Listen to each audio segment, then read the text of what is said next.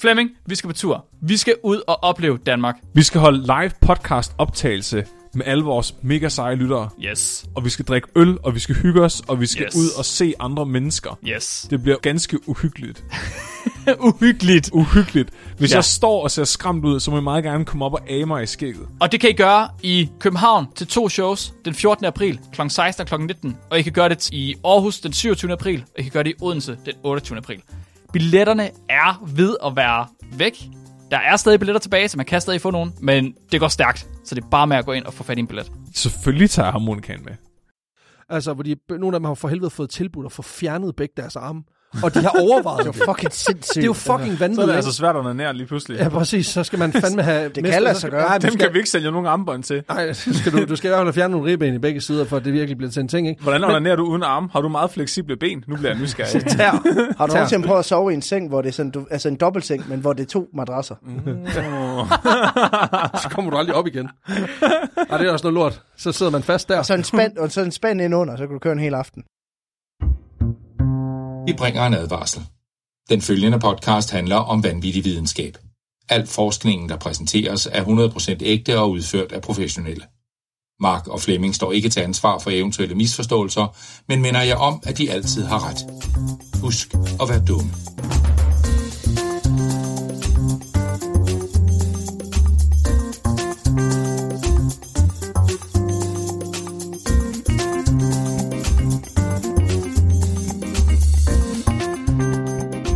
Hej, og velkommen til Videnskabeligt Udfordret. Mit navn er Peter Alexander. Jeres vært i dag. Det er en sindssyg energi, du bringer til et meget, meget vigtigt afsnit. Undskyld. Flemming, Jeg, Op der. det er ikke sådan, at jeg bare lige pludselig kan finde ud af at introducere, fordi at vi har fået nogle bedre podcaster med. fandme typisk. Kan vi ikke bare få lov til at gøre det? De ved, de, vi er jo Wish-udgaven af deres Nu podcast. skal du vise, hvem du Hvor er. er, hvor er de bedre podcaster? Jeg pegede på betonhønen. Ja. Det du skal gøre her i stedet for, Ja. det er, at du skal virkelig vise, hvem du er over for, du ved, de store. Det er ligesom at komme op og vise dig for en direktør for, for et firma, så skal du, ja, nu skal du, Okay, men jeg har faktisk, jeg har faktisk øh, en idé til et nyt indslag til vores podcast. okay. Jeg tænkte på, at vi kunne starte med at smage på øl. øhm, Har du t- Nej, du har ikke taget øl med. Din fucking idiot. jeg tænker sådan, hvis vi nu starter med... røv, du er. Sådan! Sådan! Nej, men vi skal til...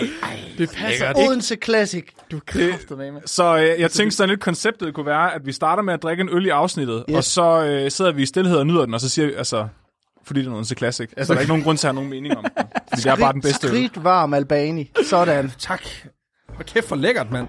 Ej, jeg, jeg havde da forberedt et navn og alt muligt Ja, ja. til introen, og så bliver det sådan noget her. Men du må godt sige det nu. Ja. Fle- Flemming, du, ja, okay. Hvad? Er den rystet? Den er rystet. Ja, den ene, der er gået hul på den ene. Min taske er fuld af øl nu også. Sådan. Pro, altså. Ja, så ideen er faktisk slet ikke, at man behøver ikke have en mening om den, fordi det er bare objektivt set den bedste øl. Jeg kan meget godt lide den. Det er segmentet. Jeg, jeg tror, jeg synes, den er god. Okay, hvad fuck er det her? så det, der sker, det er, at vi er blevet shanghaiet Ja, ind i det ja, okay. projekt. Vi har lige optaget vores crossover. Mm-hmm. Og der kommer jeg til at sige, jo Wish-versionen af Vanvittig Verdenshistorie. Og så sidder du, nu byder du på fucking lu- lunken Albani, og så siger den er god. Altså, jeg gider ikke det her. Jeg har mange forskellige navne, og et af dem er Alexander Janko. Mm. Jeg kan også lave jeres intro. Vi kan, vi kan, har du noget om vanvittig, om vanvittig videnskab? Hvis du nu siger, det her det er jeres brug til vanvittig videnskab. Ja. Prøv at sige det. Øh, det her, det er jeres brug til vanvittig videnskab. Sådan der. Jeg Og så- hedder øh, Peter Løde, også kendt som ham med den lille diller. Det er fedt. Og så kan jeg bare give mit talepapir over til Peter, og så Ja. ja. kører du resten. Jamen, skal jeg- jeg det er godt- super. jeg Jeg, jeg, har nogle artikler også, du kan Godt. læse i. Der er for eksempel den her. Øh, så, så kører du bare. Ja, på jamen, der, polsk alligevel. Sindssygt nok, Mark. Yes. Ja, ja. Nå, nå. Jeg tænkte, du var bare. Vi kører en meget løs form her i Yes. Til dagens afsnit, når vi har talt sammen, så plejer Alexander altid at sige, Mark og Flemming, de ved jo, hvad de taler om. De har lange uddannelser og publiceret forskning til at bakke dem op. Ja. Så Men det- Marks, ej, det- Marks, det for talepapir, ma- Marks talepapir, det er ligesom at læse uh, Breiviks manifest. altså, fordi han Det er langt og stjålet ja, meget det af var det. jeg kunne se, hvad der stod på næste linje, så sådan, det læser jeg fucking ikke. han, også, han, han skriver, hvornår han skal opføre sig som et menneske. Så han skriver, hvornår han skal sige øre, holde pauser og sådan noget, fordi ellers opdager folk, at han er en robot. Ja. ved, ved, Det der, det der næsepille der, står i papiret. Og man kan, ikke- man kan ikke engang Cyborg. det. Ja. jeg, jeg bruger det fakt, faktisk meget, det trick, når jeg, jeg er jo radiovært til daglig, og der kan man lynhurtigt falde i det der med, at man kommer til at stå og læse op. Der er nogle gange, så sætter en streg ind, hvor det er sådan, der må du godt lige holde en pause, og så lige sige, øh, en, øh, eller sådan noget. Altså, det er et reelt trick i radiobranchen. Der kan du det bare se. Ja, man må ikke virke for professionel. Du er nødt til at være et menneske inde bagved. Ja. Så man skal identificere sig med det og sige, hold op. Ham der fra reklameren på Radio ABC. He's a true human being. Ja. Ej, det er virkelig ulækkert. Og nu er jeg nødt, nu, jeg er nødt til at tage tøjlerne, medmindre du vil introducere Flemming. Vi skal i gang. Nå, Ja. det er, altså, det er Skal, hårdt. skal, vi, skal skal, vi, øh, Har I lyst til at gå i gang? skal vi lave et klap, og så starter vi forfra, som I ville have startet det? Nej. Nå. Mark, det er dig, der, du må godt få lov til at... Er, er det sådan, at du gerne vil have introen? Ja. Okay, det er fint. For, det er super. Jamen, jeg, jeg, jeg har fundet ud af, at Det når, er så rowdy, det her. når det, Flemming han har en eller anden sindssyg idé, øh, så skal man øh, prøve at, at male, bane hans vej hen, så han kommer videre, men han skal have lov til at have sin idé, fordi lytterne er vilde med det. Hvad for en idé? de elsker det. Så jeg synes, Peter, det, det, det du kommer med og siger, øh, at du har erfaring som radiovært, og Ja. ting, du gør som radiovært, det er mega fedt, fordi det er lige præcis det, vi skal bruge i dag. Det kunne godt være, at vi lige skulle nævne, at det er vanvittig verdenshistorie, vi har med. Nå, okay, så du vil gerne have en intro? Ja, det synes jeg måske var meget godt. ja okay. Men det er det. Hej. Nu må, ja, nu må jeg gerne fortsætte. I kan høre deres podcast på alle andre steder end Wish. Jeg vil gerne have en rigtig intro, Flemming. Kan han rigtig Jeg vil gerne have en rigtig intro. Velkommen til vores øh, længe ventede crossover-afsnit mellem os og Vanvittig Verdenshistorie. En øh, ting, vi har prøvet at få stablet på benene de sidste fire år. Og nu er vi her. Nu er det endelig lykkedes. Nu er I her. Nu er vi fandme tilfældigt i København på det samme tidspunkt, Ja. og så render vi lige ind i jer. det What are the her- chances? Her Så i et studie på et produktionsselskab, hvor døren kun kan låses udefra. Og I What fik are os. the fucking odds? Ja, præcis. Man kommer vi kun har, ind, hvis vi har man vil. undgået jer i 40, eller i 4 år, i 40 år. Og nu er vi her. Og vi er fucking glade for at være her. lykkes. Det er fantastisk, mand. Vi er fandme glade for, at I er her. Jamen, så er det jo selvfølgelig sådan, det skal være, mand. Ja. Fantastisk. Den her intro, den kommer ingen vejen. Det er sådan en herskerteknik, jeg kører lige nu. Du er asserted dominance. Ja, ja. Det Ja. gør, jeg, fordi Du jeg, har jeg, jeg, wine and dine så nu kommer alle de der necks, hvor du sådan taler lidt ned til os, men på en positiv måde. Nej, jeg tror bare mest på en negativ måde. Det er fordi, jeg, jeg, jeg har meget stor tolerance for cringe, så det vil sige, lige nu der har jeg det stadig rart, men I har det ikke så godt. Så, så det er sådan, jeg... Den, prøv at, den kan vi godt lege. Altså, jeg laver stigerkonkurrence med en femårig. Jeg har ingen grænser. Du kan bare finde af. Kom nu i gang, Mark. Det, det, åh, det er dig, der er vært, Flemming. Ja. Hvad, hvad skal vi tale om i dag, Mark? For helvede. Okay. Så øhm, når, når, når vi har talt sammen, øh, vi fire, så øh, plejer Alexander altid mm. at sige, øh, Mark og Flemming, de ved jo, hvad det er, de snakker om. De har lange uddannelser, de er eksperter på området, så hvis man skal høre en podcast øh, hvor, med nogle mennesker, der ved, hvad de snakker om, så skal man høre videnskabeligt udfordret. Og så tænker jeg jo, det synes jeg jo er, øh, er synd at sige, fordi I har også ekspertroller. En form. I har en Ja. form for ekspertrolle. Har en form for uddannelse. I har en form for uddannelse. I har uddannelser. De eksisterer. Og øh, det er faktisk... Øh, Det var faktisk Mark, der bare... Øh, Det var hans neck. Ja. Ja, det er perfekt. nej, men det passer ikke, fordi sandheden er jo, at når, når vi laver podcast, mig og Flemming, så er vi mm. i virkeligheden øh, på ret dybt vand, ret ofte. Fordi det der med... Ikke, ikke på grund af videnskaben bag. Vi kan godt finde ud af videnskaben bag. Men der skulle aldrig nogensinde nogen, der har fortalt os, hvordan man fortæller om videnskab.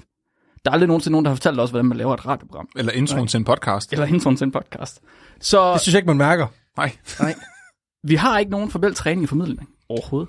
Så i dag, der vil jeg godt lægge øh, ekspertrollen over på vores kære gæster, Okay. Peter shit. og Alexander. Oh shit. Der er det jo, du skal huske, at vores ekspertrolle som journalister ligger ja. jo primært i, at vi har googlet en sindssyg masse, inden vi går i gang. Ja, det er jo fedt. Så det, jamen, så det, det, der sker her, det er, at han er i gang med at overføre det, at han er på dybt vand til os. Ja, Og okay. det er faktisk... Øh, altså, du plejer jo- du laver jo radio nogle gange live. Nogle jeg gange, klipper nej, ja. alt, hvad jeg nogensinde har lavet. Jeg laver ingenting live. Jeg har aktivt fravalgt det i min karriere, fordi jeg ved, jeg ikke er god til det. Nå, jeg synes, det er det sjoveste.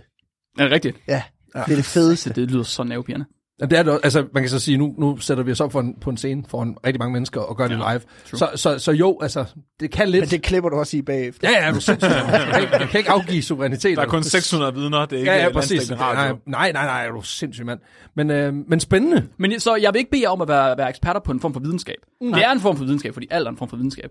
Det, I skal være eksperter på, det er noget, som I rent faktisk ved noget om. Det er formidling, og det er journalistik. Okay, Fantastisk. Så okay. Vi prøver. I skal prøve at hjælpe mig og Flemming med at finde ud af, hvordan man mest effektivt kommunikerer videnskab. Okay. Oh, Ja. okay. Lær os, hvordan vi gør vores arbejde ordentligt. God.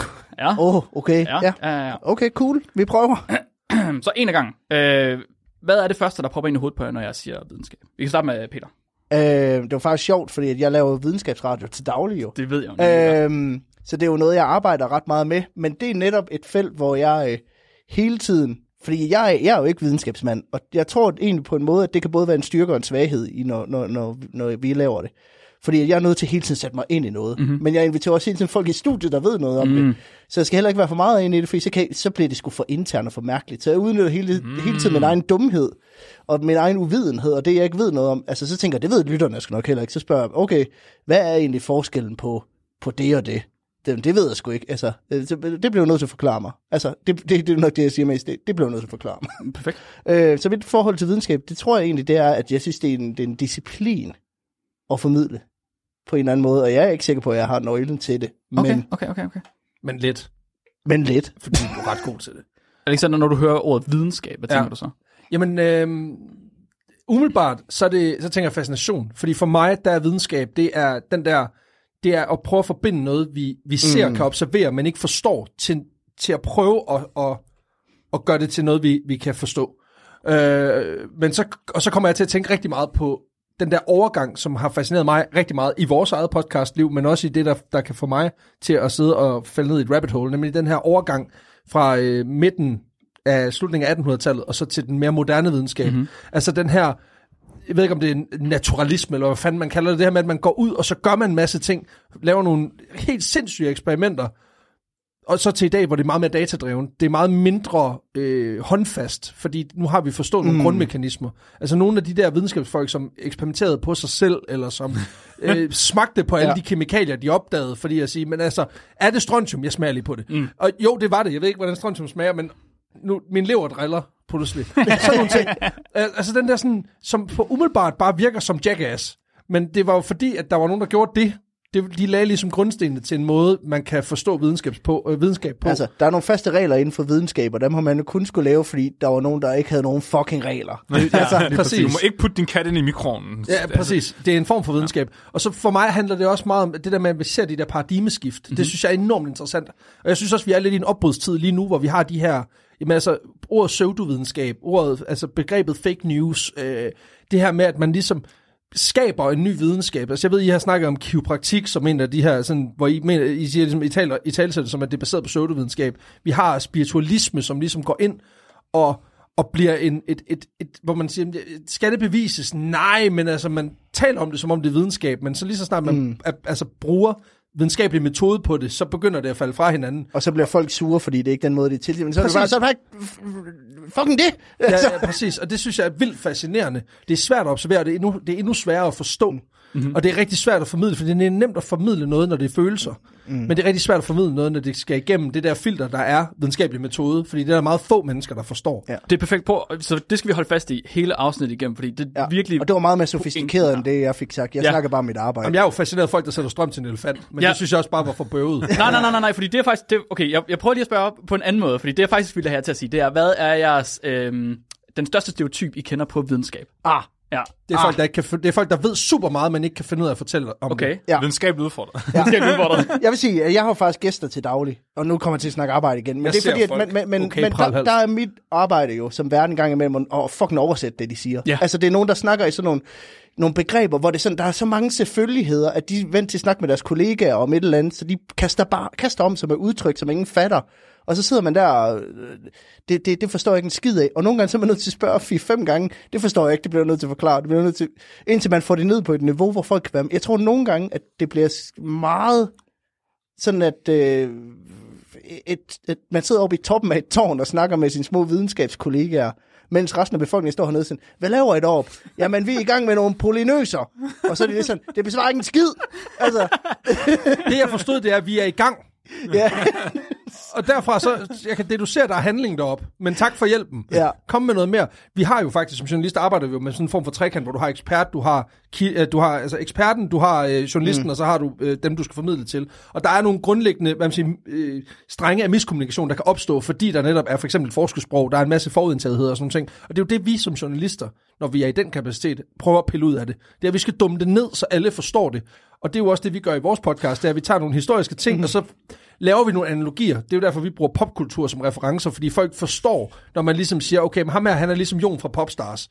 Så har folk en eller anden meget mere stram fornemmelse af, okay, hvem fanden er han? Det er sådan en, der godt kan lide at slå folk med stegepander. Cool. Nu ved vi, hvem fuck han er, ikke? Og I Ja. siger, I ikke er eksperter. Så, så den der analogi med tårnet, det svarer til, at I enten tager, en, altså I tager nogle sten og kaster op, indtil der er nogen, der falder ned, eller tager I en stige. Nej, vi river tårnet ned. Okay. Ja, ja, fordi... Altså, Brænder det? Ja, ja. ja altså, Og så, og så øh, tager vi de der ting, de gik og rodet med derinde, sådan, Så smager vi som på vi ikke ved, hvad er, så kigger vi. Okay, jeg ved ikke, hvad det er. De ligner en pære. Det er en pære. altså, det er det, Okay. vi gør. Så videnskab er for mange et, et, et lidt misforstået fænomen. Ja. Og mange de kommer hurtigt til at tænke på personer i hvide kitler i højteknologiske laboratorier, mm. eller et eller andet tårn, ikke? der er i gang med at udvikle nye vacciner. Det er, sådan, det, er det, vi har set i filmene. Ja, det, ja. det, det, det, det må være. Det er også det, det er blevet til de sidste, sidste par år med Pfizer og alt det der. Ja. Altså alle er lige pludselig blevet tvunget til at skulle forholde sig til Præcis. videnskab og se det udvikle sig i real time. Ja. Fordi det er jo det der med, at, at der var en gang, jamen, så kom der et nyt lægemiddel, og det fik du at vide, når du var mega syg. Og du sad, der sad en mand i kittel og sagde, jeg kan måske hjælpe dig med det her nye. Mm. Mm-hmm. Vi har faktisk som mennesker fået lov til at observere videnskab i real time. Mm-hmm. Ja. Og så begynder folk jo at blive kritiske. Kan det gå så stærkt? Hvordan kan Ja. det tage 30 år at udvikle en vaccine? Og nu gjorde de det på to år. Ja. Ja. Jamen, det er fordi, det er fordi folk, det var combined effort. Vi For helvede! Bare kaste nogle penge på problemet for fanden. Ja, Det var jo fucking sammen. Ja. Men en anden ting er også, at videnskab er ikke bare folk, der udvikler vacciner. Alt, alt i hele verden. Alt, hvad vi overhovedet beskæftiger os med, det har en eller anden videnskab koblet til sig. Om det så er forskning, eksperimentering, hypotestesten, øh, det, er noget, det er noget, vi gør inden for alle felter. Så både biologer, som øh, gummistøvlebiologer, der undersøger, om røvhullet på en gobbel, den eksisterer for evigt. Mm. Det er ingeniører, der udvikler nye materialer til byggeri. Og det er også psykologer, der beskriver adfærden hos børn med autisme. Det er alt sammen videnskab. Ja, klart. Det er endda journalister. Rammer den lidt med Jeg skulle lige sige, hvad sker der lige Flemming? Ah, trækninger, nervøse trækninger. Men altså, det, Humanvidenskab, nej, nej. det, er jo- det, er jo, det er jo endda journalister, der optimerer deres måde at kommunikere på. Det er også en videnskab. Humaniora er videnskab. også en form for videnskab. Er vi Det er bare ikke naturvidenskab. Selvom jeg ved at Flemming han helst vil have naturvidenskab, er eneste form for videnskab. Jeg har en kammerat også, der er, der er øh, biologstuderende, og han bliver ved med at sige sådan, at ja, nu, øh, nu humaniora er jo ikke rigtig videnskab, hvor jeg bare sådan, hold kæft mand, du øh, snakker, og røven den går af en, der, der ikke gider bruge 10 kroner på øl nede i en fredagsbar, mand. altså,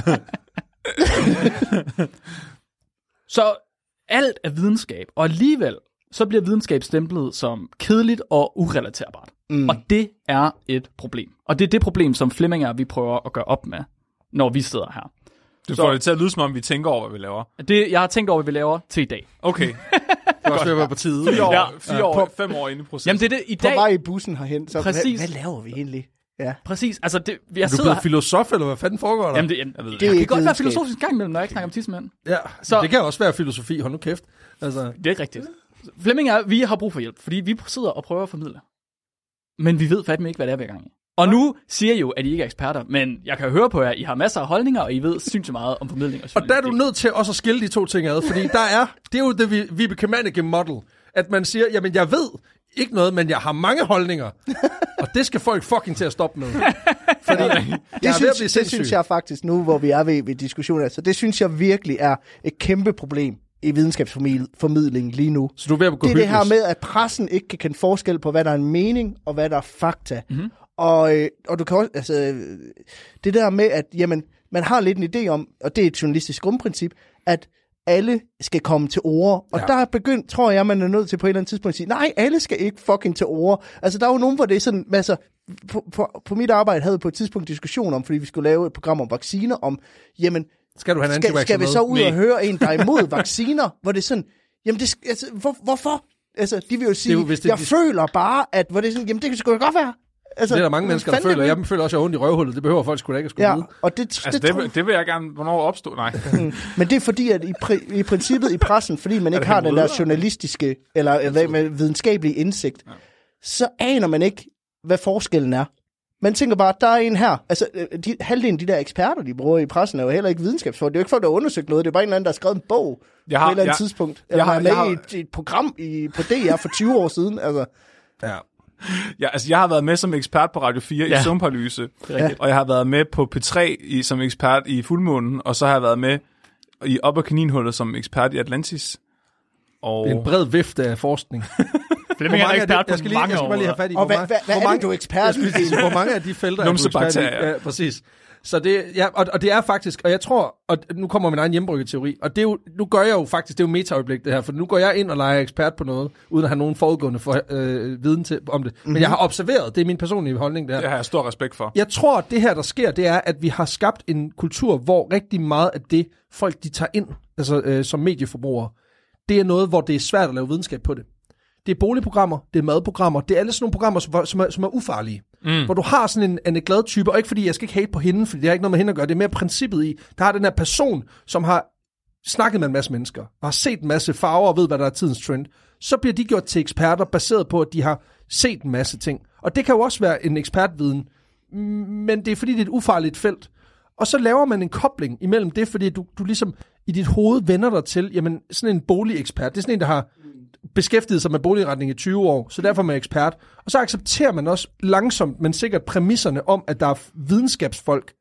Jamen, så kan godt være, at du har brugt 30 år på det, men du ved jo meget lidt om, eller rigtig meget om en lille bitte ting, hvorimod hende her, der har udtalt sig rigtig, rigtig meget om alle mulige ting, om Atlantis og, øh, I don't know, søvnparalyse. Jamen, han må være en bred ekspert, fordi han har også, en, og især hvis man så også har en uddannelse, der bare lugter lidt af det. Præcis. Altså, man ikke, uden at, igen, nu shitter jeg på hende, men det er fordi, at det fortjener hun.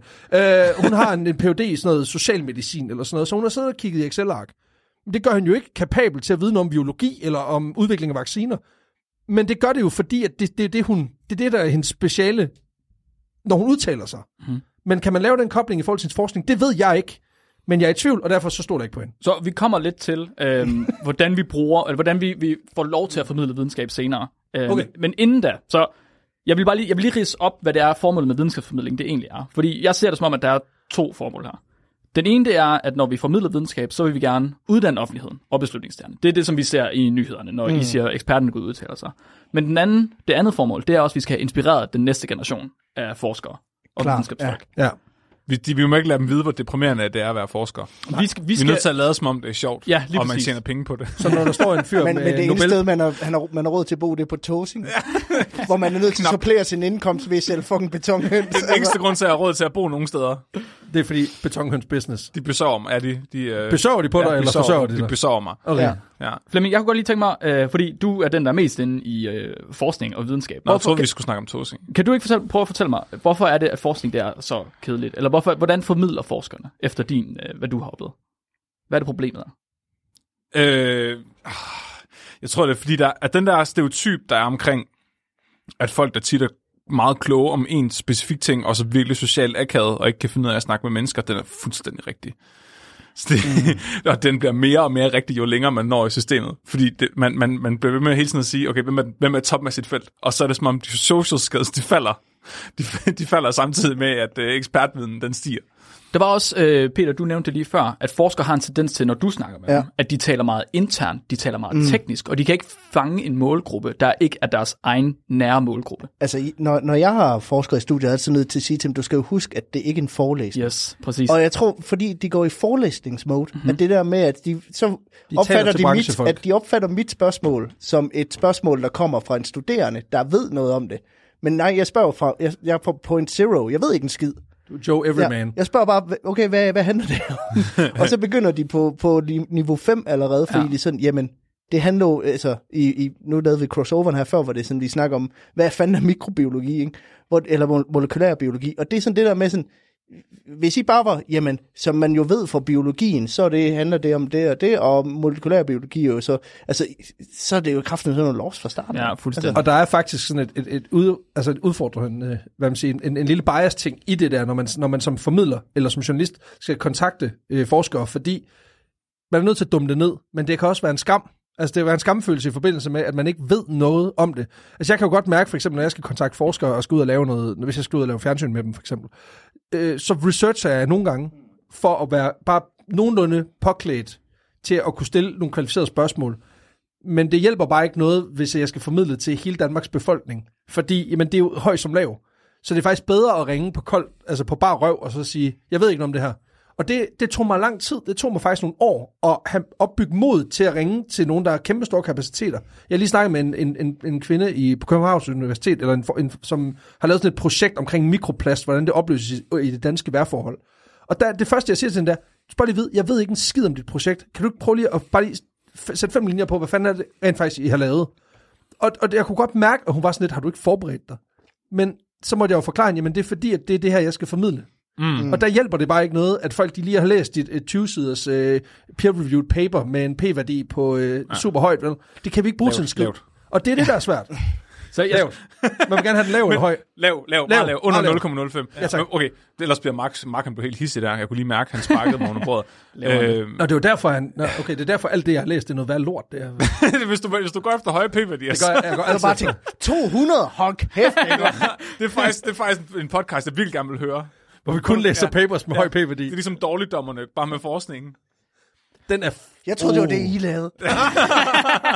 Fuck, er det det, vi gør? Fuck it. Gør fem år. Nu faldt Fuck fem et år. stab, Ja. mand. Det var, det var perfekt, det der. jeg, jeg, vil, jeg vil lige, har I nogensinde øh, læst et videnskabeligt studie? Altså Ja. har I nogensinde prøvet at læse et peer-reviewed studie? Ja, jeg, Ja. Ja jeg gør det jo meget i forbindelse med, altså, når jeg sidder og kigger på noget, men jeg er jo også ty- bare typen, der bladrer det igennem og så okay, hvad er konklusionen? Hvad, hvad, er det, hvad er det, de har undersøgt? Og, så- og så alt det der imellem, det fatter jeg ikke en skid af. Så det er sådan, nå, jamen, okay, de fandt ud af, børn med damp har måske sværere indlæringsevne. Okay, det kan jeg ikke bruge til noget. Eller sådan, det er ikke sådan, og så kan man stramme den, og så sige, at de kan ikke finde ud af noget? ja. Så jeg tog et par forsider med her. Ja. Øhm, fra den ene her, Okay. det er fra øh, vores største videnskabelige tidsskrift, vi kender, øh, Nature. Og den der er en af de allermest citerede øh, tid, øh, artikler, der er fra sidste år. Så det Er der, der- det er et hardcore bedste paper, der overhovedet Jeg skal bare lige vide, er der mellemrum imellem bogstaverne her? Ja, det er jeg ikke sikker på. Nej, vel? Alexander, hvordan du har sidder du med for, øh, hvad hedder det, forsiden i hånden? Hvad, hvad, hvis du så den der, hvad ville du tænke? Jeg vil tænke... Øhm, Ja, den lægger men, man ned igen. Ikke? Nej, men jeg tror måske også, jeg vil tænke, det her, det bliver en hård omgang, men det er sikkert vigtigt. Mhm. Men det er jo fordi, at jeg, jeg går det til det med, det, med et, et, et formål, der hedder, jeg skal formentlig formidle det her. Hvordan fanden gør jeg det? Jeg har en fornemmelse af, når jeg har læst øh, de forskningsmæssige natur, mm. øh, når det er naturvidenskabelige ting, jeg har læst, så er det sådan noget, hvor der er sådan en, en væg af tekst her. Mm. Altså det er lige nogle kræfter med det er ræson, der har skrevet det her lort, ja. ikke? Øh, så er der fire sider af det her, og så er der en masse tabeller. Så der kan være fire sider, eller der kan være 20 sider. Jo, men- og men det når, der med- vi, når vi læser artikler, så læser vi... Jeg læser gerne 10 af sådan nogle der. Ja, Og det er fucking svært. Så, så øh, jeg tror, Alexander han fik mm. nævnt det, men det er sådan det wall of text. Altså det er bare tekst på tekst på tekst på tekst, der er ingen billeder. Men der kan du se, jeg prøver jo allerede, det er jo, det er jo mit greb, Ja, det er, jeg man- prøver at sige, det, det, det, det ligner, det er skrevet af ræson. Ja. Og det er fordi, at det, det er min reference for det. Det er, det er et magasin, der bliver udgivet af et eller andet forlag i Odense, som Jeg vidderligt siger, bare det laver... de ikke en skid af. Der Nej, taler du op i tårnet igen, ikke? Ja, ja, præcis, men det er vidderligt bare også et magasin, hvor der kun, der er ikke nogen billeder, der er ikke noget som det er bare tekst, tekst, tekst, tekst, tekst, tekst, tekst, og det er sikkert skide vigtigt. Jeg kommer aldrig til at læse det. Nej. Altså, Og selv, selv de sjoveste artikler, vi finder, det er sådan nogen som den her, ja. Ja. hvor der står, det er en klassisk artikel, vi har haft med før, med hvor hårdt skider pingviner. ah, Ah, ja. ja. Og når, når vi formidler den, så er det jo fordi, vi har læst den, og vi har fundet de vigtigste detaljer i den, og så prøver vi at skrive den om på en anden måde. Ja. Men det her, det er igen wall of text. Der er en overskrift, der er ingen billede overhovedet. På næste side, der er der en figur af en pingvin, der skider. Ja. Hvis En figur? Hvis man så figuren ikke se figuren. Den er fed. Præcis, den er fed. Hvis man så den som det allerførste, så ville man tænke, fuck, det vil jeg gerne have. Jeg får lyst til at få det der som tatovering. Så det er diagrammet af pingvinen, der skider, som vi havde Men med. jeg, men jeg tror, det, er- det er når det er derfra, og så til videreformidling, der går et eller andet. Fordi det der er jo ikke formidlet til journalister. Det er jo ikke formidlet mm. til en gængs. Det er formidlet til forskningskolleger, der skal mm. peer-review noget.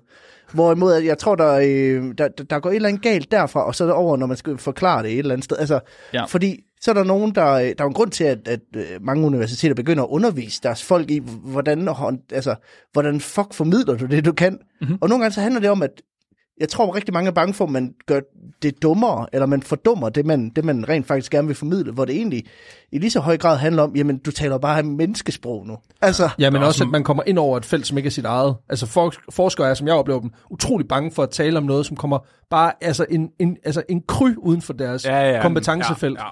Og der kan jeg jo mærke, at der har du valgt at sige, I, I tear down those walls. altså det kan, nå, men igen, energien er jo fantastisk. Altså, Men det, det er så frustrerende at kigge på. Altså, fordi så ender man jo med, at aldrig nogensinde har nogen, der tager udtalelser om noget som helst. Præcis. Fordi, der er, fordi de emner, der er interessante, de er så brede, at der ikke findes en ekspert inden for dem. ja. Der findes en ekspert inden for en hundrededel af det her emne. For Ja, eksempel sådan noget som GMO. Altså med genmodificerede ja. Organismer. Der findes jo ikke en ekspert. Altså, vi har lavet GMO begge to ja, Ja, i laboratoriet. Men vi vil aldrig nogensinde tænke, at vi er eksperter i GMO. Og vi vil aldrig, altså, hvis der kom nogen og spurgte os. men vi I, er eksperter i GMO i bakterier. men I ved jo stadigvæk 10.000 gange mere end den almindelige dansker. Og så Så vil der- I formentlig kunne deltage i 90% af den formidling, journalistisk formidling, der er om GMO. Men det er jo et spørgsmål om Dunning-Kruger-effekten, at vi er nået så langt, så Dunning-Kruger-effekten, des mere du ved, vi er des, des så mere kloge. ved du, du ikke ved. Ja. Ja, ja. Ja, at vi, er på, vi er nået på et punkt, hvor det er, vi, sådan lidt, vi ved godt, vi ikke ved en skid. Mm. Ja, Hvor ja. hvis du står lavere nede på Dunning-Kruger-listen, så er du så dum, at du sådan lidt, nu ved jeg jo alt, fordi der er ikke mere at vide. Jeg har læst fire artikler, så jeg har set den her YouTube-video med en fyr, der har siddet og klippet en masse billeder ud i Paint. Ja. Og, og så, så derfor så... Det er sådan, jeg har det, når vi går i studio og optager vanvittige verdenshistorie. Ja, det er faktisk så ved jeg alt, fordi jeg har set fire YouTube-videoer. Men de er fandme også gode i YouTube. ja. Conspiracy Guy 6622. Over, ja. oversimplified history. Yes. Det, det, er det bedste, det er hvor det er en inder, der skal forklare noget. Ja, ja, de er virkelig gode. De er fandme dygtige. Men det er som Ja, regel programmeringsvideoer. Ja, ja. Men de ja, er og så øh, introen, det er altid sådan, hvor han åbner Notepad og skriver hello. Ja, ja, ja. og så er der en eller anden techno-sang i Ja, baggrunden. og så står der bandicam.com oppe Ja, ja. i, oppe i toppen. Ja. Ja, Der ja. ved du, at du har fat i en rigtig director. Sådan virkelig høj Linkin Park-musik. Ja, som også lige har pitchet op, fordi så er der ikke Var nogen det, det, var rettigheder. dit, det var dit bedste impression af Linkin Park musik, det var Beduinhorn. Hvad fuck er et beduinhorn? det er sådan en... Det er den eneste lyd, jeg kan lave med min mund. Så Så, så du snakker ikke? videnskabelige artikler, de har lidt problem, fordi i hvert fald, når man skal videreformidle dem, så du også Ja. ja. Peter. Fordi de har meget stor fokus på metoder, på resultater og på statistik. Ja. Right? Det er, Og det hvordan skal, har vi gjort det? Hvad har vi fundet ud af? Og hvad, hvad er statistikken bag? Men der er ikke nogen fokus på konklusionen. Og det var lige præcis det, du også, du også nævnte, Peter. Mm. Du mangler et sted, hvor du går hen og siger, hvad fuck er det, jeg har fundet ud af? Men er det ikke fordi, at det er grundlæggende ikke interessant? Det er det, det, er det faktisk. Vi vil også gerne kende konklusionen. Vi vil gerne vide, hvad der er, der er lagt op til konklusionen. Men er det ikke Men- men, fordi økonomien i for eksempel forskning er jo der, hvor man, det, man må ikke lade det, der er rigtig mange ting, der ikke må påvirke konklusionen, så derfor gør man alt for at trække alt væk fra konklusionen. Man må ikke konkludere for hårdt, men man skal konkludere. Man skal ikke konkludere. Konkluderer Problemet så er, man kan fucking ikke hårdt hver eneste og, aften. og der tror jeg, der tror jeg det, Det er jeres forskning. Men der tror jeg faktisk, det, det tror jeg er et af de steder, hvor det clasher en mm. lille smule. Fordi at det, netop det der med, at hvis man skal tage seriøst som videnskab, så er også nødt til at sige, okay, vi fandt ud af det her, men der er den her, den her, den her modifikation af, af Ja, den sandhed, vi har fundet præcis. frem til. Hvorimod man i journalistikken meget gerne vil have, at tingene er sorte eller hvide. Ja. Så hvis man møder op til nogen og siger, øh, øh, vi hører jo, du har fundet ud af, at nu kan man lave, øh, nu kan man lave tis om til guld, så er det sådan, ja, altså det kan man under de og de og de Ja. og de og de omstændigheder. Yes. Så står journalisten der sådan, Nå, så du har ikke tiskuld her, eller hvad? altså, ja. Og så, så er han lidt sådan, kan du sige, at det kan lade sig gøre? Hvor det er sådan, jamen det kan det jo teoretisk, men jeg har jo ikke, jeg har ikke Ja, gjort ja. det. Og så er det sådan, når man, hvor, hvor fanden er historien så? Men altså, altså, Peter, du kan altid ringe til mig, hvis du vil have et uh, endeligt svar fra en okay. ekspert, Jamen, uanset det er hvad det er. Det er godt at vide. Det, øh, Så selv tidsskrifter, den- videnskabelige tidsskrifter nu, de anbefaler som regel ikke, at man har en konklusionsafsnit til sidst i artiklen. Okay. Hva? Tidligere havde man konklusionsafsnit, men de Nej. fleste begynder at sige, vi vil bare have et diskussionsafsnit. Og hvis du har en konklusion, så siger du det til sidst i diskussionen. det vidste jeg ikke engang. Jo, jo, jo, så det er rigtigt. Hvis du lægger mærke til det, så i mange af de nye artikler, du læser, der vil du Ja. ikke finde en overskrift, der hedder konklusion længere. Åh, oh, gud. Fordi man har simpelthen valgt at sige, det er for hardcore, det kan vi ikke uh, lægge frem til, så nu diskuterer vi det i stedet for, ud fra diskussionen, kan man så måske trække en konklusion. Åh oh, nej, vi bliver også noget filosofi lige pludselig. Det gør den nemlig. Og det, det, det Min kan kone, jeg godt forstå. Min Det, kone er filosof, så jeg må gerne, jeg må gerne disse dem. Okay. jeg, kan- jeg kan godt forstå, at det, at det bliver svært for journalister og folk, der skal videreformidle, hvis ikke man har en baggrund i det. Det næste problem er jo så, som I også siger, at forskerne har virkelig svært ved at snakke med journalister, fordi de er bange for, hvad der sker. Mm. Og vi har som forskere lidt en fordom om journalister. Ja. Så det, det gør, at mange forskere, når de så bliver ringet op af en journalist, så bliver de ængstelige. De er sådan lidt, øh, oh, fuck. Øh, nej, oh nej, hvad vil du have mig til at snakke om? Jeg ved ikke en skid om hestepærer. Hvorfor spørger du mig ind til det? Ja. Ja. Jeg ved noget om halm, men jeg ved ikke noget om hestepærer. Hvad fanden snakker du om? Så i situationer, hvor forskerne de gerne vil have verden til at forstå deres resultater, så vil de jo ikke misforstås. Right? Nej. Og en af forskernes største fordomme om journalister, det er, at de ofte fejlfortolker. Right? Mm. Så nok mest fordi, at de er bange for, at den her fejlfortolkning den går tilbage til forskerne, rammer dem i røven. Ja. Det er sådan, øh, Men- du, har du lavet tiskuld? Ja, det har jeg nok. Og så lige pludselig kommer der en artikel ud, der siger, nu Jeg har kan du lavet lave- tiskuld. Nu, nu kan du lave tiskuld, hvis bare du gør sådan her. Og det ja. har ham her sagt. Så Sådan, Nej, det var ikke det, jeg sagde. Ja, ja, lige præcis. Og jeg Ja. tror, det er der, det går meget galt i Mhm. mm-hmm. øh, tit, ikke? Altså, at man, også som journalist, fordi du har begrænset med plads, du har begrænset med tid til at Ja. formulere det, så du leder efter det der skarpe statement. Yes. Og du leder efter en skarpe overskrifter for folk til at klikke ind på Facebook og alt muligt lort. Ja. Og der tror jeg nogle gange, at det, det, det, går, øh, det går skævt. Fordi at jeg tror, at den forståelse har videnskabsfolk ikke altid, at det er den måde, journalistikken fungerer Mhm. mm-hmm. på. Og det, jeg tror egentlig, det er to videnskabsformer, eller former for at, at arbejde på, der, der er vidt forskellige, der clasher der. At videnskabsfolkene mangler den der forståelse for, okay, måske er jeg nødt til at domme det lidt ned, for Ja. at der, det, det Men nu, passer nogle gange så, bliver, så er problemet måske også, at det bliver, øh, måske ikke, ikke dommet meget ned i det her tilfælde her, men at det faktisk bliver misforstået. Ja. Så jeg har et eksempel fra øh, MIT. Ja. Der var et hold forskere, der fik øh, modificeret spinat. Så det vil sige, at de fik lavet spinat om til, at det kunne lyse øh, infrarødt, når det opfangede molekyler fra sprængstoffer. Så den har, de har simpelthen fået sat nogle bestemte ting ind i spinaten, Ja. og når spinaten den så brugte de her ting her til at opfange de her molekyler fra sprængstofferne, det var Ja. nogle bestemte svovlmolekyler, så begyndte den at lyse. Og det kunne man så fange med et infrarødt kamera. Så det vil sige, at den begyndte at, hvis I tænker på varme, ja, ja, ja. det kan du se på infrarødt kamera, det gjorde spinaten så også. Og så havde de så et infrarødt kamera, der kunne kigge på spinaten. Når spinaten begyndte at lyse, Så så, vidste sagde, man. så sagde kameraet, fedt, så sender jeg lige en e-mail. Der er en bombe. Nu er Nå, der, så, man kunne, man kunne, så ideen er, at man kan plante... Nu laver jeg en konklusion. Ja. Gang. Yes. Så, så ideen er, vi har et minefelt her, vi aner ikke, hvor, hvor fanden de er henne. Vi tager lige og smider en masse frø ud, og der, hvor vi kan se, når vi med et infrarødt kamera kan se, at de begynder at respondere, så er der formentlig, den er tættere på. Det kunne være en mulighed. Det, Det kunne kommer også til være, at sælge rigtig godt i Ukraine om Ja. et par år. det kunne også være, at man kunne bruge det her system i noget andet end spinat. sådan Ja, men Må, konceptet... må, må jeg prøve at gætte, hvad overskriften er? Yes, lige, okay, det var lige præcis, fordi der var nemlig nogle videnspersonalister, der fik den. Så hvad var overskriften? Åh, oh, det har været sådan noget med, nu skal du spise spinat i, øh, i flykontrollen, for Ja. at tjekke, om du har en bombe. Okay. Sådan noget. Uh. Alexander? Jamen, altså, jeg tror, det er sådan noget... Jeg, altså, jeg tror godt, det kunne blive endnu værre. Sådan noget BT, det er sådan noget sprængfarligt spinat opdaget, eller sådan et eller andet. Helt åndssvagt. Hvad tænker du, Flemming? Jeg tænker bare, øh, jeg, jeg tænker sådan noget, øh, jeg, jeg er videnskabsmand, så nu kommer jeg med en kedelig titel. Jeg, Ja. tænker, jeg tænker sådan noget spinat, der kan opdage bomber. Ja, overskriften var, forskere lærer spinat og sende e-mails. Nå, Nå, så det er e-mail-delen, de fokuserer Det var på. e-mail-delen, men ikke bare det, det var, at spinaten sendte e-mailsene.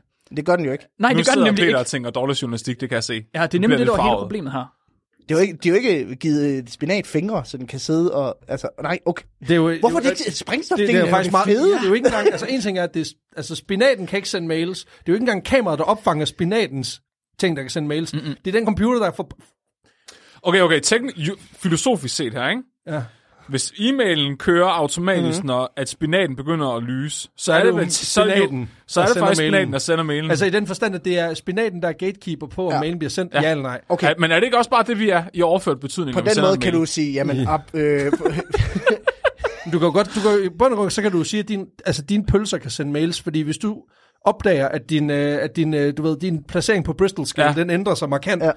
Øh, i en grad, så du bliver så berørt af det, du tænker, jeg bliver nødt til at altså, kontakte en sundhedsprofessionel. Jeg troede virkelig, du og du så sender en mail til ja. en læge, så er det jo i, i bund og grund dine hårde kaninpøller, der ja. har sendt mailen. man, man, Ja, kan, ja, man jeg- kan jo sige, at neandertalere kan få os til i, øh, øh, rejser i rummet, hvor det er sådan, "Nå, okay, har de været i rummet? Nej, men der har engang været neandertalere, og vi har været i rummet, hvor det er sådan, så, så, Det er jo sådan en, sokrat, det er sådan sokratisk øh, Erasmus Montanus logik, det der. Jeg gik ja. direkte til Alexander, der står hen over keyboard og skider på enter-knappen.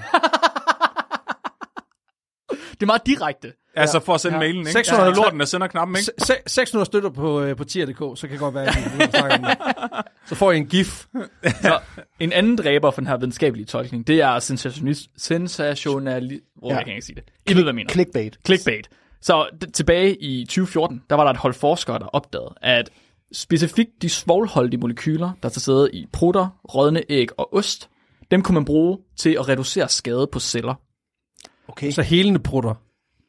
I hvert fald, hvis du så hvad spørger- tror, hvad spørger tror du overskriften var? Jamen det ved jeg ikke, på sådan noget prutteplaster, eller sådan et eller andet bullshit, hvor det er sådan noget med, jamen altså nu kan din prutter, nu er din prutter hele din, øh, hele din sår, eller sådan noget. Tæt på. Meget tæt på. Ja, jeg tænker også sådan, altså jeg kan forestille mig, der har været overskriften, du ved, sådan på, på Facebook, så har der været et opslag, så har teksten været, øh, lukker du også din kone ind under dynen, når du prutter? Det kan faktisk være gavnligt. Ja. Ja. Og så overskriften, det har været sådan noget med, prutter, øh, prutter gør dig sund, eller Ja. ja. sådan noget. Du er her, vil du ikke være min spindoktor til min, øh, til min phd forskning Så En overskrift, hype man. overskriften var, forskere siger, at du kan undgå cancer ved at lugte til prutter. Og det er fucking et stretch, det der, mand. Ja, de har... De, I, Men var jeg det- er så god for jer lige nu. Var, Ja. ja. var, jeg skal bare lige vide, var forskningen, altså var det på cancerceller? Nej, det var til at under, undersøge øh, celleskader på almindelige... Altså, så det er fordi, vi bruger mm. normalt øh, en cancercellelinje. Og Okay. ja, så står Så der det er noget lavet med, på en det cancercelle? er lavet på en cancercelle, men, Men- al forskning, vi laver på celler, øh, i hvert fald op til et vist punkt, var cancerceller. Altså heller partikler. Ja, lige præcis. Heller celler, ja. Nå, I har også haft Ja, ja, ja. ja. Ja, lige præcis. partikler, sorry. Celler. Celler, ja, ja. Ja. ja. Altså, Jamen, jeg, det er fordi, jeg kører sådan en p-værdi på 200. Så jeg, altså, det var en jeg, lille intern reference. Jeg, sidder, jeg sidder med en prut, der er så hilende lige nu, at folk, der hører podcasten, vil kunne føle sig bedre bagefter, tror jeg. Der er ingen, der får cancer, når de hører Så det er her der 12, afsnit der her. har en tumor, det har de ikke længere. Jeg har, det, jeg har det sådan med det her afsnit, enten så kurerer det cancer, eller også så giver det cancer til alle, der hører det. Ja, på, på bare spillet. er det fucking cancer. For, for jeg kan ikke finde ud af, om det er skide godt, eller af helvede til. Det bliver bare spillet på loop på akutmodtagelsen på samtlige hospitaler i Danmark de næste Ja. tre år. Så øh, Peter, når nu du er videnskabsjournalist, ja. Hvad gør du så for at forsøge at tolke en historie korrekt? Det er fandme et godt spørgsmål. Hvad gør jeg? Han er selv tvivl. Tak. Jeg prøver at lege journalist lige nu. Ja, ja men jeg, øh, jeg tror, jeg er meget... Altså, jeg har jo altid dialog med forskeren selv, og, og har en, typisk en teams forsnak, inden vi overhovedet går i gang. Okay. Øh, et par dage forinden, hvor jeg så researcher efterfølgende og sådan noget. Øh, og jeg prøver meget det her med hele tiden at spørge om det her, hvorfor? Altså, jeg tror, det er enormt vigtigt, det der med, okay, du har undersøgt, at nu kan spinat øh, detektere det her. Hvorfor har du det? Mm. Jamen, det har jeg, fordi sådan og sådan. Okay, men hvorfor det er vigtigt? Hvor, og for, hvorfor? Altså, jeg kører faktisk en struktur, der hedder hvad, hvordan, hvorfor. Det Ja, sådan set åh, den kender vi godt, ja. ja. min spørgeramme, fordi det er en måde at zoome ind og zoome ud hele tiden. Mm. Øhm, men det er enormt svært, men jeg, øh, jeg øh, prøver simpelthen bare som vært i hvert fald at, at tage nogle forbehold og sige, du har jo udviklet spinat, der kan, der kan sende e-mails, og så er jeg bare lidt sådan, prøv at forklare lidt mere om det, og jeg, har, jeg lægger op til, du må hjertens gerne rette mig. Nogle gange bruger jeg det faktisk som et fast greb, det der, men nu prøver jeg at oversimplificere det, for at få dig til at nuancere det. Okay, okay. Øhm, så det prøver jeg enormt meget at bruge det der. Og så vil, så vil de sige, ja, så vi har udviklet spinat, der kan finde sprængstoffer. Det er rigtigt. Hvor det er sådan, okay, så den kan ikke sende e-mails. Og det kan den jo i Ja. Sidste tredje potens. eller, fjerde led. Ja, ja, Øh, og det er også fordi, jeg tror, det er enormt vigtigt også til bare at forstå, hvordan videnskab fungerer. En gang imellem det der med, at jamen, jeg ved ikke, hvordan det fungerer, så, så jeg tror, det er der at stille det skarpt op på den måde. Okay, nu oversimplificerer jeg det, og så nuancerer du det. Det tror jeg gør enormt meget. Mm-hmm. For hvordan, får man øh, sørget for at holde interessen, uden at overdramatisere, uden at sensationali- sensationalisere det?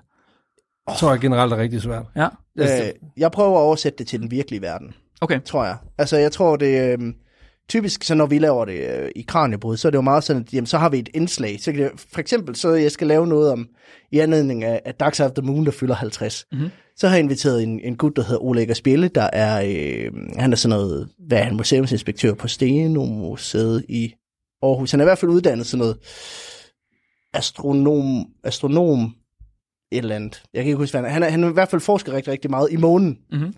Og så øh, skrev jeg til ham, hey, jeg vil gerne lave noget om Dark Side of the Moon, men jeg gider ikke lave noget om album, jeg vil gerne lave noget om må- månens bagside. Ah, ja. Men så, så er det sådan det der med at sige, okay, det er så anledning. Anledningen er Dark Side of the Moon, derfor snakker vi om det her. Ja, ja. Og så har vi et indslag med, der handler om albumet Dark Side of the Moon, hvor vi siger, okay, sælger det egentlig godt, kan unge stadigvæk lide det, kan det alt muligt. Så det hele det der med at prøve at sige, prøve at trække det over i noget, de der øh, begreber, vi har i journalistik, nyhedskriterierne, som er øh, aktualitet og konflikt og sådan noget. Og, og nogle gange tager vi også den videnskabelige diskussion, hvis der er noget, der er uenighed om. Så fuck det, så tager vi to i studiet, så må I disku- diskutere det. Jeg står bare herovre. jeg har bare tændt for mikrofonen. Battle. Jeg har bare tændt på mikrofonen og knækket en poolkør lagt den op på disken. Så må I jo kræftet med, altså. Ja. Det er god radio. Jamen, det er det. Altså, jeg har hørt på et tidspunkt en forsker fortælle om, hun havde forsket lidt i vand, øh, og var specialist på det. Lidt i vand. Ja, ja men hun, nej, det er fordi, det der med, med fase, hun, det var, hun var interesseret i faseovergangen. Og det er så åbenbart noget med, at vand har tre stadier, eller fire stadier, eller et eller andet. Og der er så åbenbart en kæmpe diskussion, der pågår et eller andet om, hvorvidt at faseovergangen fra, fas, eller fra flydenform til damp, at den kan foregå på to måder. Okay. Og der har åbenbart, hun sagde, hun har, obser- hun har været til en konference på det her, hvor der var to forskere, der var, altså nærmest var røget totterne på hinanden over det her. Hvor jeg sådan tænkte, jamen, der, kan du jo, der har du jo så mange følelser i det. Og det er det, der nogle gange også er mangler, fordi nu ja. Taler du meget om det her med, hvordan kan vi dumme det ned, simplificere det, bruge vores nysgerrighed. Jeg tror også nogle gange, det er det der med, at, at forskning er også følelser. Jeg ved godt, de prøver rigtig mm. meget ikke at gøre det til mm. det. Men det er også enormt vigtigt at få den der passion ind. Og jeg ved godt, at når man ja. øh, er, på, er i lab for f- 14. dag i streg og bare observerer de samme fucking bakterier, og hvorfor gør de ikke, som jeg havde troet, de gjorde? Det kan jo godt være svært at, at der, efter en øh, 10 timers vagt, hvor man sidder og gjort det samme igen og igen og igen og igen og igen, og igen og finde passionen Ja, der. ja. Det er jeg 100% med på. Det er faktisk øh, det, det er et godt input, fordi det er noget, jeg bruger meget også, det her med, at jeg altid starter med at spørge dem om, okay, du forsker i det her. Hvorfor? Hvor, hvorfor det er spændende? Mm-hmm. Ja. Og så kan man se det, at de lyser op, og ja. de er jo sådan, så- fordi de er jo dedikeret sit liv til det her. og det er sådan, så, og så, wow, så snakker de helt vildt om, og, Nå, hvordan endte du så der? Jamen, jeg startede med at forske det her, og så, og så tror jeg bare, det der med en kombination af en pas, passioneret person, gør, og, og en vært, der ikke fatter en skid, det, det, det gør enormt meget. Altså, jeg tror det der med, altså man skal lære dem som person, lige så meget som man skal lære dem som forsker. Mm-hmm. Det tror jeg gør enormt meget. Ja, det der med at sætte et ansigt på, så mærke den der glæde, der ligger i at gøre noget, mm. som også gør en forskel. For jeg tror, langt de fleste forskere gør det, fordi at de mener, at det, de gør, er fucking vigtigt. Mm-hmm. Og, det, og det er en ligning, der er meget svær at få ind, når det handler om, at der er nogen, der har forsket i faseovergangen fra vand til damp. Mm. altså, Det er nej, lige ved, min forskning lyder spændende. Ja, jeg, kan faktisk, jeg kan faktisk huske for mange, mange år siden, da jeg var journaliststuderende, eller ikke, nej, det var faktisk i sådan noget 10. klasse, hvor jeg var sådan noget praktik på en radiostation, hvor jeg, det var faktisk der, det gik op for mig, hvor meget passion betyder, for der havde jeg en, en underviser, som havde siddet og set en to timers dokumentar om fuge, altså i vægge. og så forklarede han nemlig det der med, jamen, det, det gør man jo ikke. Men den måde, dokumentaren var skruet sammen på, og de mennesker, den måde, mm. journalisten havde fået stillet spørgsmålene, fået de her folk til at gå helt i selvsving over fuger, havde gjort, at han havde sat sig ned og set den her dokumentar. Han var blevet grebet af den, som var det en Netflix-serie. Mm. Og der kan man jo sige, der kan du formidle noget, som, som folk synes er fucking kedeligt. Men hvis du så rammer den lige røven, så kan du gøre alting spændende. Mm-hmm. Og det er et pisse svært greb. Men det handler også om et samarbejde. Det handler også om, at du, at journalisten og forskeren har det der greb, og den der, sådan, den der sådan fælles forståelse og sådan noget, og det kan nogle gange være rigtig, rigtig svært, især ja. hvis det er, jeg skal bare lige have fire skarpe citater. Øhm, du har en team sammen med, din, med dine kilder i et studie. Ja. Det kan gøre rigtig meget, men det er bare desværre ikke rigtig virkeligheden mm. ret mange steder. Jeg, jeg tror også, altså, ikke, noget af det, jeg bruger rigtig meget, det er med at sige, okay, vi bliver nødt til at starte simpelt, så kan vi godt bygge ovenpå med nuancer, men vi bliver nødt til at starte med at få forklaret det. Mest basic. Altså, Præcis. nogle gange så er man da nødt til at sige, okay, jeg skal bare lige høre, altså, den dybere dynamik handler om, jeg har lige lavet noget om, om Power to X, som jeg ikke vidste, hvad var. Øh, som handlede om egentlig, at man kan omdanne CO2 til biogas. Mm-hmm. Og det er egentlig øh, gennem Power to X ved at sætte strøm til lortet, som jeg forstår det.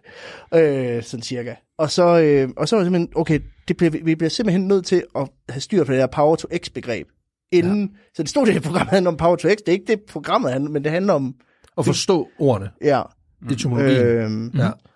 Og så tror jeg bare, at det er, at der, der er en grund til, at det er de samme personer, de bruger igen og igen og igen ja, i pressen. Ja. Det er fordi, at de er fede personligheder. Altså, Holger Bæk Nielsen blev ikke inviteret, fordi han er den eneste, der ved noget om sorte huller, ja. vel? Altså, han blev inviteret, fordi folk de synes, han er fed, fordi han er sådan en nørd. Ja, ja men, det er også en, også. men det er også ja. en svær, det er også en svær størrelse, fordi der netop også, og kunne jeg forstå, forstå også i forskerkredse, er sådan lidt de der forskere, som virkelig nørder noget, som bare hader forskere, der er i fjernsynet. Mm. Det, og det er 90 procent af alle forskere. Ja. Der er faktisk, vi, har fået, vi har fået ret meget modstand på det, vi gør. Ja, fordi, ja, fordi, I, gør, ja. fordi I gør noget, og I tager selv ja, ejerskab ja. over det, jeg og I fik, øh, alt muligt. Jeg fik at vide, at jeg, øh, jeg skadede øh, forskernes øh, tilliden til forskning i, øh, i det offentlige rum. af dine nye kolleger. Ja, ja, ja. Har de sagt det til dig? Ja, ja, så grinte jeg bare, og så sagde jeg, at jeg gør, hvad jeg kan. Ja. Med det mål. Så ja. jeg, jeg, jeg tror, en Men grunde... altså, må jeg, må jeg lige jo, ja. samle op? Fordi jeg ser bare lige kobling her. Fordi jeg tænkte nemlig på, at vi snakkede tidligere om øh, folk, der, der har en mening om ting, og så folk, der rent faktisk ved noget om ting. Jeg, jeg, jeg synes, det er pissefedt, når folk bare har en virkelig stærk holdning til noget, også selvom de ikke ved en skid om det. Jeg vil meget hellere have det, end de ikke, har, end de ikke kan tage stilling til det. Mm. Fordi så får du passionen. Ja. Så det er pissefedt ja. med en antivaxer, der er bare super passioneret om noget, der er fuldstændig mm. forkert. Det elsker jeg, og det er jo også fedt at, lytte, at lytte til. Ja. Det er fedt at lytte Problemet til. Problemet er bare, hvis der står i pressen, at de er, at de er vaccineekspert. Ja, så går folk ud fra, okay, han ved sgu, hvad han snakker om. Eller endnu ja. værre, at de får lige så meget taletid, som den person, der rent faktisk har brugt 30 år på at prøve at forstå øh, er øh, mRNA. Altså, og, det, og jeg forstår det 100% godt. Det der oftest er problemet med de der, fordi for eksempel, øh, nu har vi, vi sad på vej herover og snakke om rewilding, hvor der er nogle mm. ret stærke holdninger, især i forhold til Monsterlaboratoriet for eksempel. Mm-hmm. Mm. Der er jo nogle enormt stærke stemmer, og en enorm stor passion, fordi, altså især for de her modstandere, eller, og det kan også være anti det kan være alle mulige typer.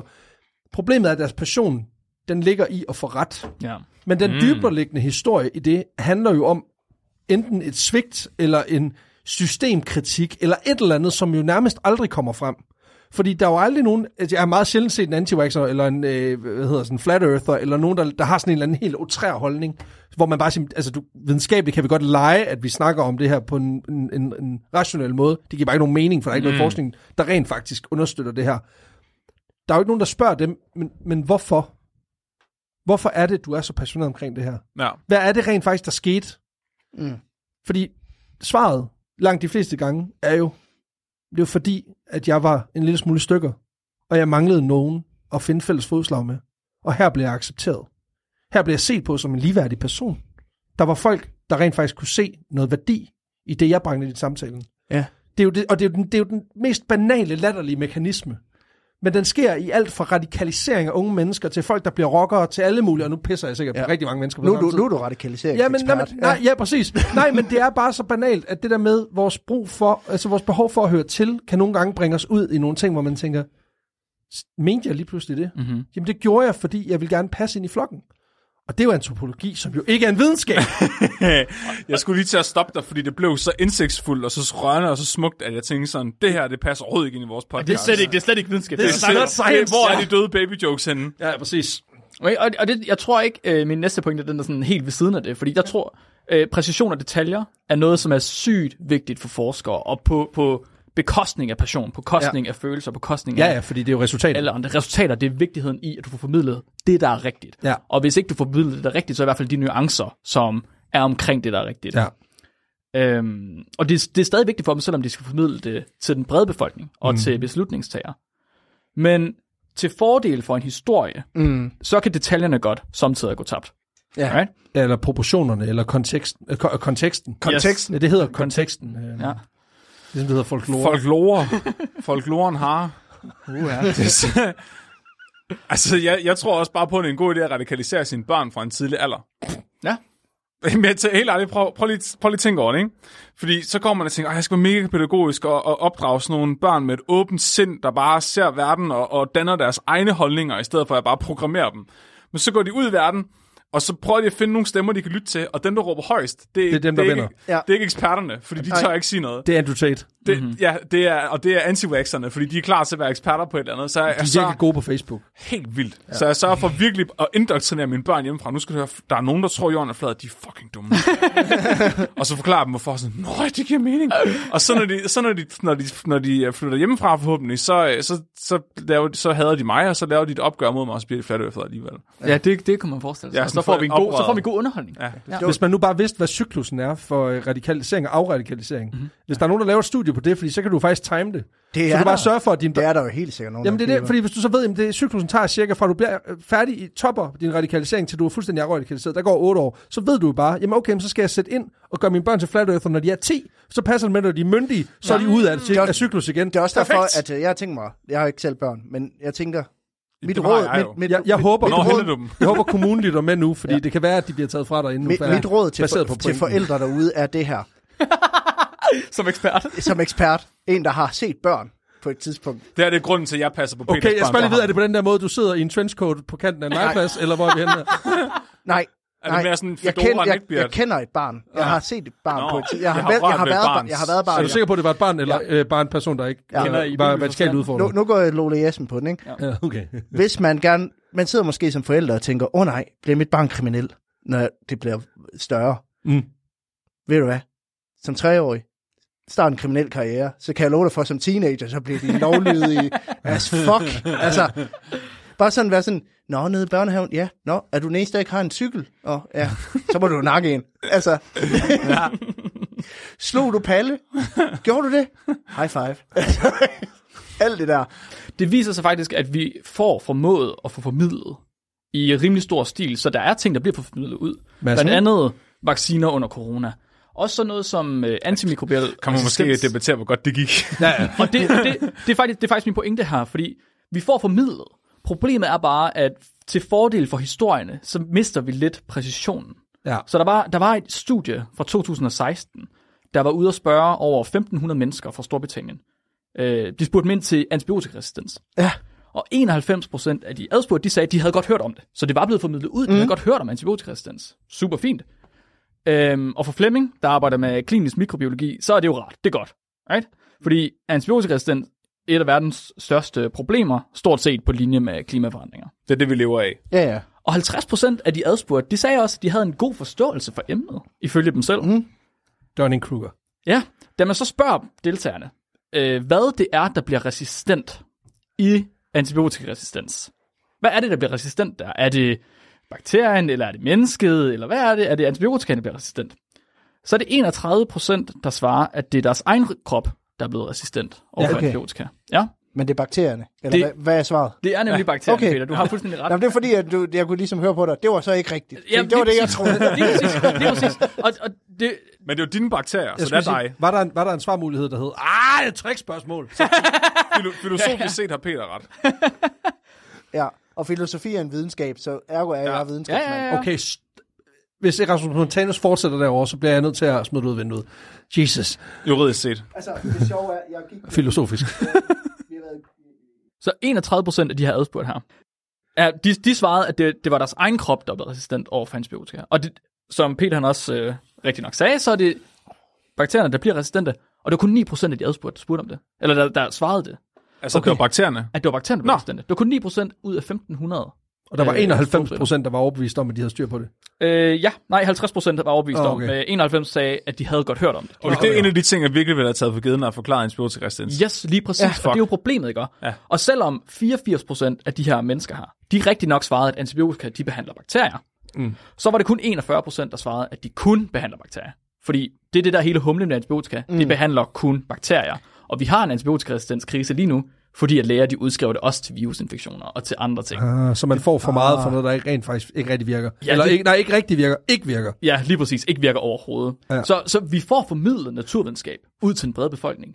Men de vigtige detaljer bliver misforstået. Ja. Måske fordi, at præcision nogle gange går lidt tabt til fordel for den gode historie. Så jeg kom til at tænke på, når I formidler øhm, øh, historie på jeres podcast, hvornår er præcision vigtig for jer? Øh, Konkrete data Ja, og, og, citater. Altså førstehåndskilder, førstehåndsberetninger.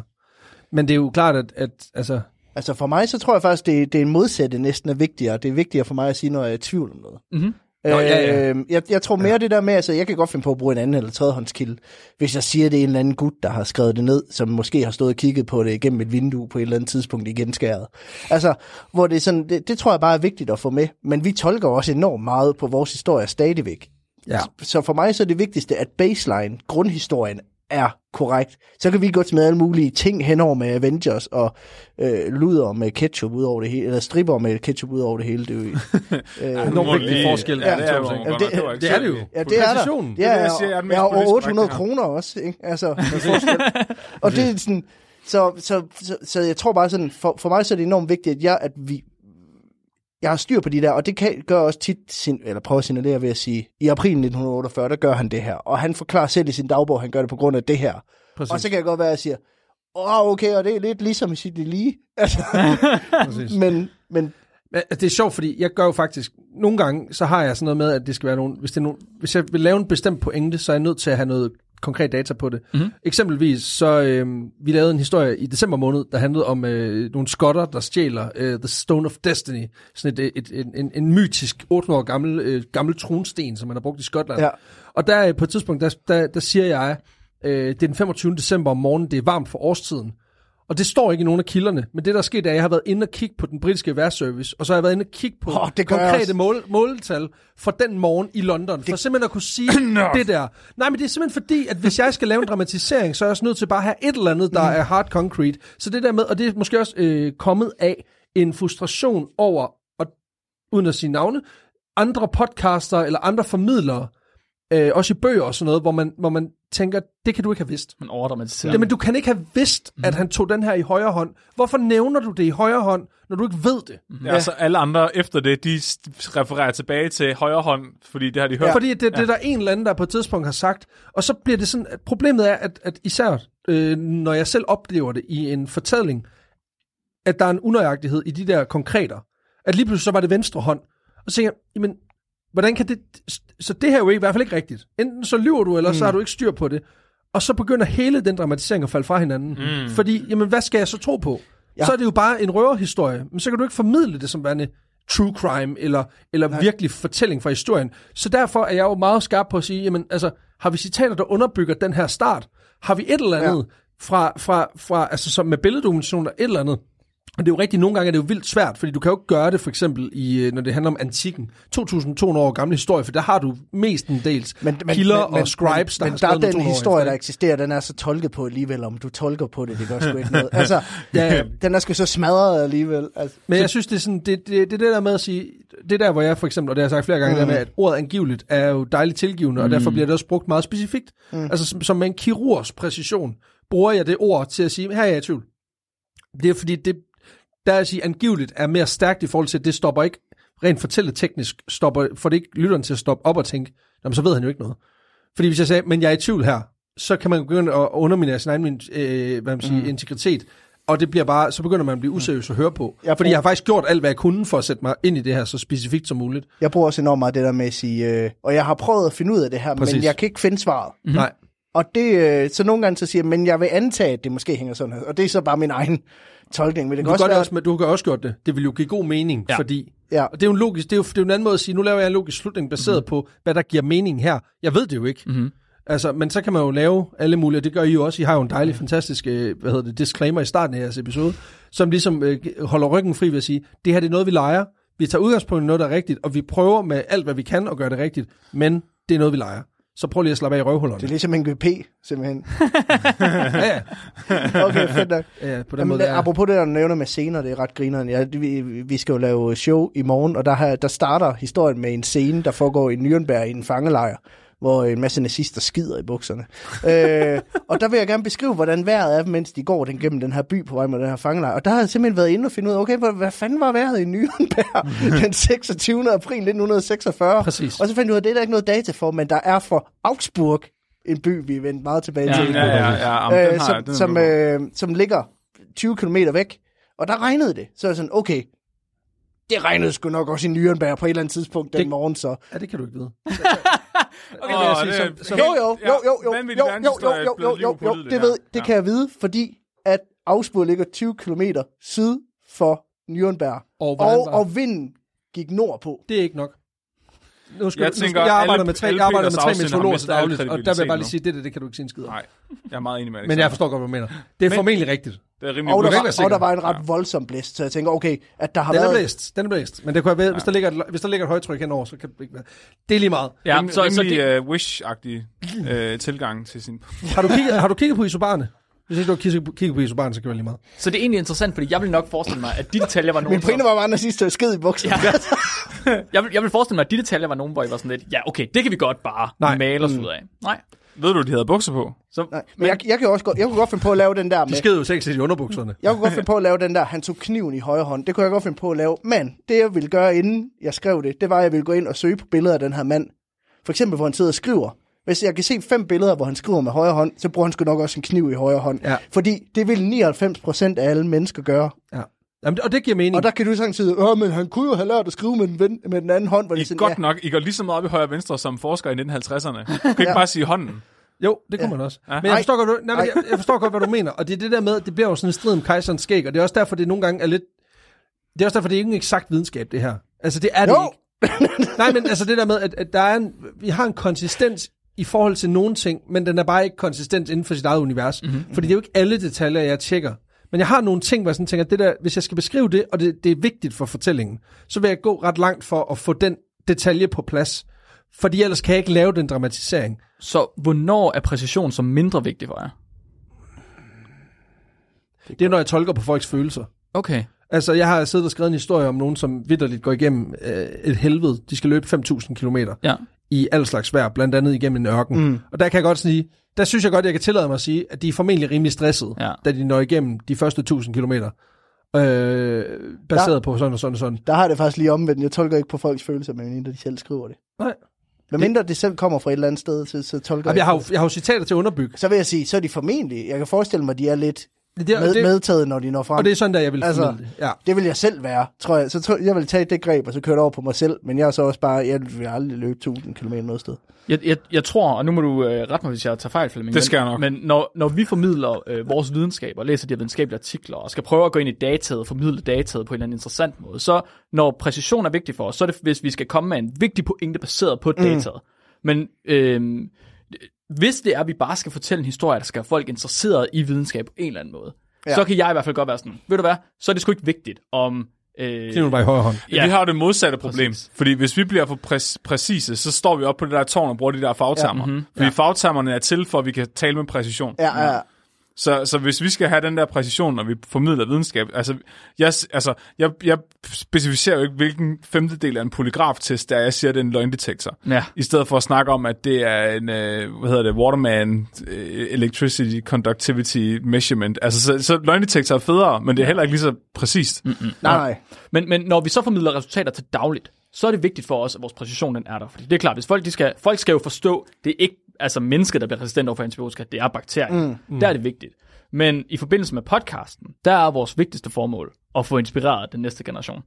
Og i den forbindelse, så er i hvert fald for os, der er detaljer mindre vigtige end den gode historie. Altså jeg vil sige, der hvor jeg også går på kompromis med detaljerne, det er det der med sådan, jeg prøver tit sådan, tit så, så, så har de et eller andet citat, hvor det er sådan, og han befalede, at det her det skulle ske, og det der, så er der så fem kilder på, at det gjorde han, så er jeg sådan, okay, det ved jeg godt, det ved jeg, det skete, så omformulerer jeg det til, okay, han sagde, hey gutter, I skal lige gå derhen. Mm-hmm. Præcis. Ja, 100 procent. Øh, og- Fordi og der kan man jo det- høre det. Der kan du høre det, at hvis det er et citat fra 1850, der kan du godt høre, at det er jo ikke en til en det samme. Ja, faktisk så er jeg mere, Hvad så, boys? Skal Ja. vi ikke lige gøre det her? jeg er faktisk mere øh, opmærksom på at få sagt, når det er direkte citat, end jeg er på at få sagt, ej, det er selvfølgelig bare noget, jeg har fundet på. Mm-hmm. Altså, fordi det synes jeg ligger lidt henover, og så vil jeg hellere præcisere, at det her det er faktisk rigtigt. Ja, ja, ja. Eller det er det virkelige i det. Men det er også fordi, nogle gange, så kan vi godt lave en formidling, når vi netop lægger et, et, et snit hen over noget, så, så begynder det allerede at være en fiktion. Det er jo en fiktionsramme, vi lægger ned over noget virkeligt, men hvor, hvor man siger, nedslagene er ægte nok. Beskrivelse af scenerne er ægte nok. Tidspunkterne, hvor det foregår på, er ægte nok. Det er vores drift. Det er det, det, er det vi skal have, have styr på. Og nogle gange, så virker citaterne som styrkemarkører. Mhm. Fordi så Ja. siger du, jamen så sagde han faktisk det her. Så bliver Ja. man mindet om, det er en ægte person. For eksempel med vores uh, Stop and Firth afsnit, manden der spiser opkast i forbindelse med at forstå gul feber, ikke? ja. Hvor, hvor der er i hans øh, noter står, but upon reconciliation, I decided to do it again, repeating it a multiple number of times. Altså det der med, at han nu har han spist bræk, og jeg har sat det ind i sin hud mm. 20 gange, ikke? Og det Og så er bare sådan, nu har jeg konkluderet, der sker ikke noget. Så nu burde jeg stoppe. Men, jeg tror lige, jeg prøver igen. Og det er virkelig stærkt, fordi man tænker, nu, nu er du færdig med det der shit, ikke? Og så, så gør han det lige igen. Og der, der kan et citat være fantastisk til lige at sige, men han, han lavede en overvejelse og sagde, det er nok bedst, at lige gør det 20 gange mere. Og der kan man sige, det kunne jeg jo godt have fundet på, og bare sagt, og så gør han det lige 20 gange mere. Det har bare slet ikke været lige så stærkt. Så der kan det eksakte citat være enormt stærkt. Mm-hmm. Det var jo et par frase. Om det, ja, jeg kan godt mærke, vi er, ligesom i, vi, er, vi er lidt i det, i det gear. Det er nok bedst, at vi lige siger. Så en ting, som er vigtig for os, os alle sammen, vores begge tos mm. podcast, det er jo at, at få den gode historie frem. Med, om der så er detaljer Ja. på eller ej, Hvor han sprede ordet om høns? Ja, Flemming, ja. Ja, Flemming, okay, Flemming har sin egen agenda. Øh, hvordan, hvad forstår I ved, ved en historie, og hvordan bruger I historier til at formidle? Ikke, nu siger jeg ikke verdenshistorie, nu siger jeg den gode historie. Hvad, hvad er en, en historie for jer på den måde? Jeg synes, der skal være... Jeg synes, de bedste historier, vi laver, er dem, hvor der er en stærk hovedperson. En hovedperson, man forstår. Og han kan godt være et dumt røvhul. Han kan godt være alt muligt, men man forstår på en eller anden måde, hvad hans fucked up tankegang er. Altså, man forstår, hvorfor han lige pludselig føler, at det her med at udrydde en hel befolkning, det er faktisk øh, det er den mest logiske løsning. Og man sidder der og tænker, hey, det er fucked up, men jeg forstår godt, jeg kan godt se, hvor, hvordan du nåede det. Altså, altså, øhm, Ja. og, og, så det synes jeg tit er Apropos til Hitler. Og en hovedperson behøver ikke være en person. Det kan være en ko. Jeg har lavet et helt afsnit om, om en kubansk kommunistisk ko. Og Jeg har også haft noget med en bjørn, ikke også? Så, Jo, Vostek? Jo, ja, ja. ja, et par men det kan også være en genstand, det kan være alt muligt, men der skal være et eller andet, der ligesom centrerer sig omkring, og så skal der være en udvikling. Jeg synes, det er sådan, ja, det skal ikke bare være en eller anden gut, der går hjem, altså, øh, der går rundt i sit øh, laboratorium i, i hele sit liv og forsker i et eller andet. Altså, der skal ske et eller andet. Mm-hmm. Øh, der skal være noget fremdrift, og så skal der være nogle gode scener. Scenerne er klart noget af det stærkeste. Altså Okay. det der med, at du har nogle eksakte pinpoints, eller du kan beskrive et eller andet, hvor man tænker, nu, nu sker der noget. Og så kontraster og ironi er mm. også øh, enormt godt, øh, og gør sig rigtig godt. Altså netop det der med en, en mand, der øh, op, opdager en masse forskellige øh, grundstoffer, og så smager han lige på dem. Og så det ender det med, det er det, der slår ham ihjel. Eller vores historie om Adolf Sachs, en dreng, der, der overlever d- d- 10 nærdødsoplevelser som barn, og så går han ud og opfinder saxofonen og laver den vildeste karriere, så får han kræft i læberne, ikke? Altså, du, op, du, op, du opfinder 30 blæseinstrumenter, så får du fucking kræft i læberne. Altså, det, det er helt, ja. det er så skæbnens ironiagtigt, mm. at det bare er, det er for morsomt øh, Ja. til, at, øh, at det, altså, der, der, der synes jeg virkelig, det rammer noget. Når det går full circle, så er det fantastisk. Så for, for videnskabsfolk, der er, mm. der er der kommet stor fokus også. Der er blevet bedre med formidling. Det er helt sikkert blevet bedre, i løb, specielt i løbet af det sidste årti. Ja, Ja. klart, og, klart. Og, helt sikkert. Det synes og, jeg også. Og der er kommet stor fokus på, at, at videnskab skal formidles enten via øh, hvad, hvordan, hvorfor, mm. eller via en historie. Ja. Øhm, og det betyder, at man, altså, det er blevet mere positivt. Der er rent faktisk forskere, der begynder at træne deres formidlingsevner. Men det virker stadig til, at man er nødt til at gå på kompromis, når man formidler videnskab. Fordi det virker som om, man kan enten være præcis, eller mm. man kan være inspirerende. Men man kan ikke være begge dele. Nej. Som forsker i hvert fald. Og vi vil jo gerne, alle fire, formå at gøre det på, altså gøre begge dele. Både være præcis og have den gode historie. Jeg vil mest bare gerne være inspirerende. Og, Fle- og Og Flemming høns. og, ja, ja, Ja, og ja. sprede misinformation. Jeg om vil mest gerne bare være kendt. Ja, ja, ja. Jeg har det også sådan, jeg synes, jeg kan virkelig godt lide lyden af min egen stemme. Mm. Og jeg synes bare, det er rart at kunne høre min egen podcast. Det forstår jeg måde. virkelig ikke, Ja. den er virkelig sådan... Så han er ved at krasse ørerne af sit hoved. Jeg går lige ud og græder lidt på Ja. toilettet.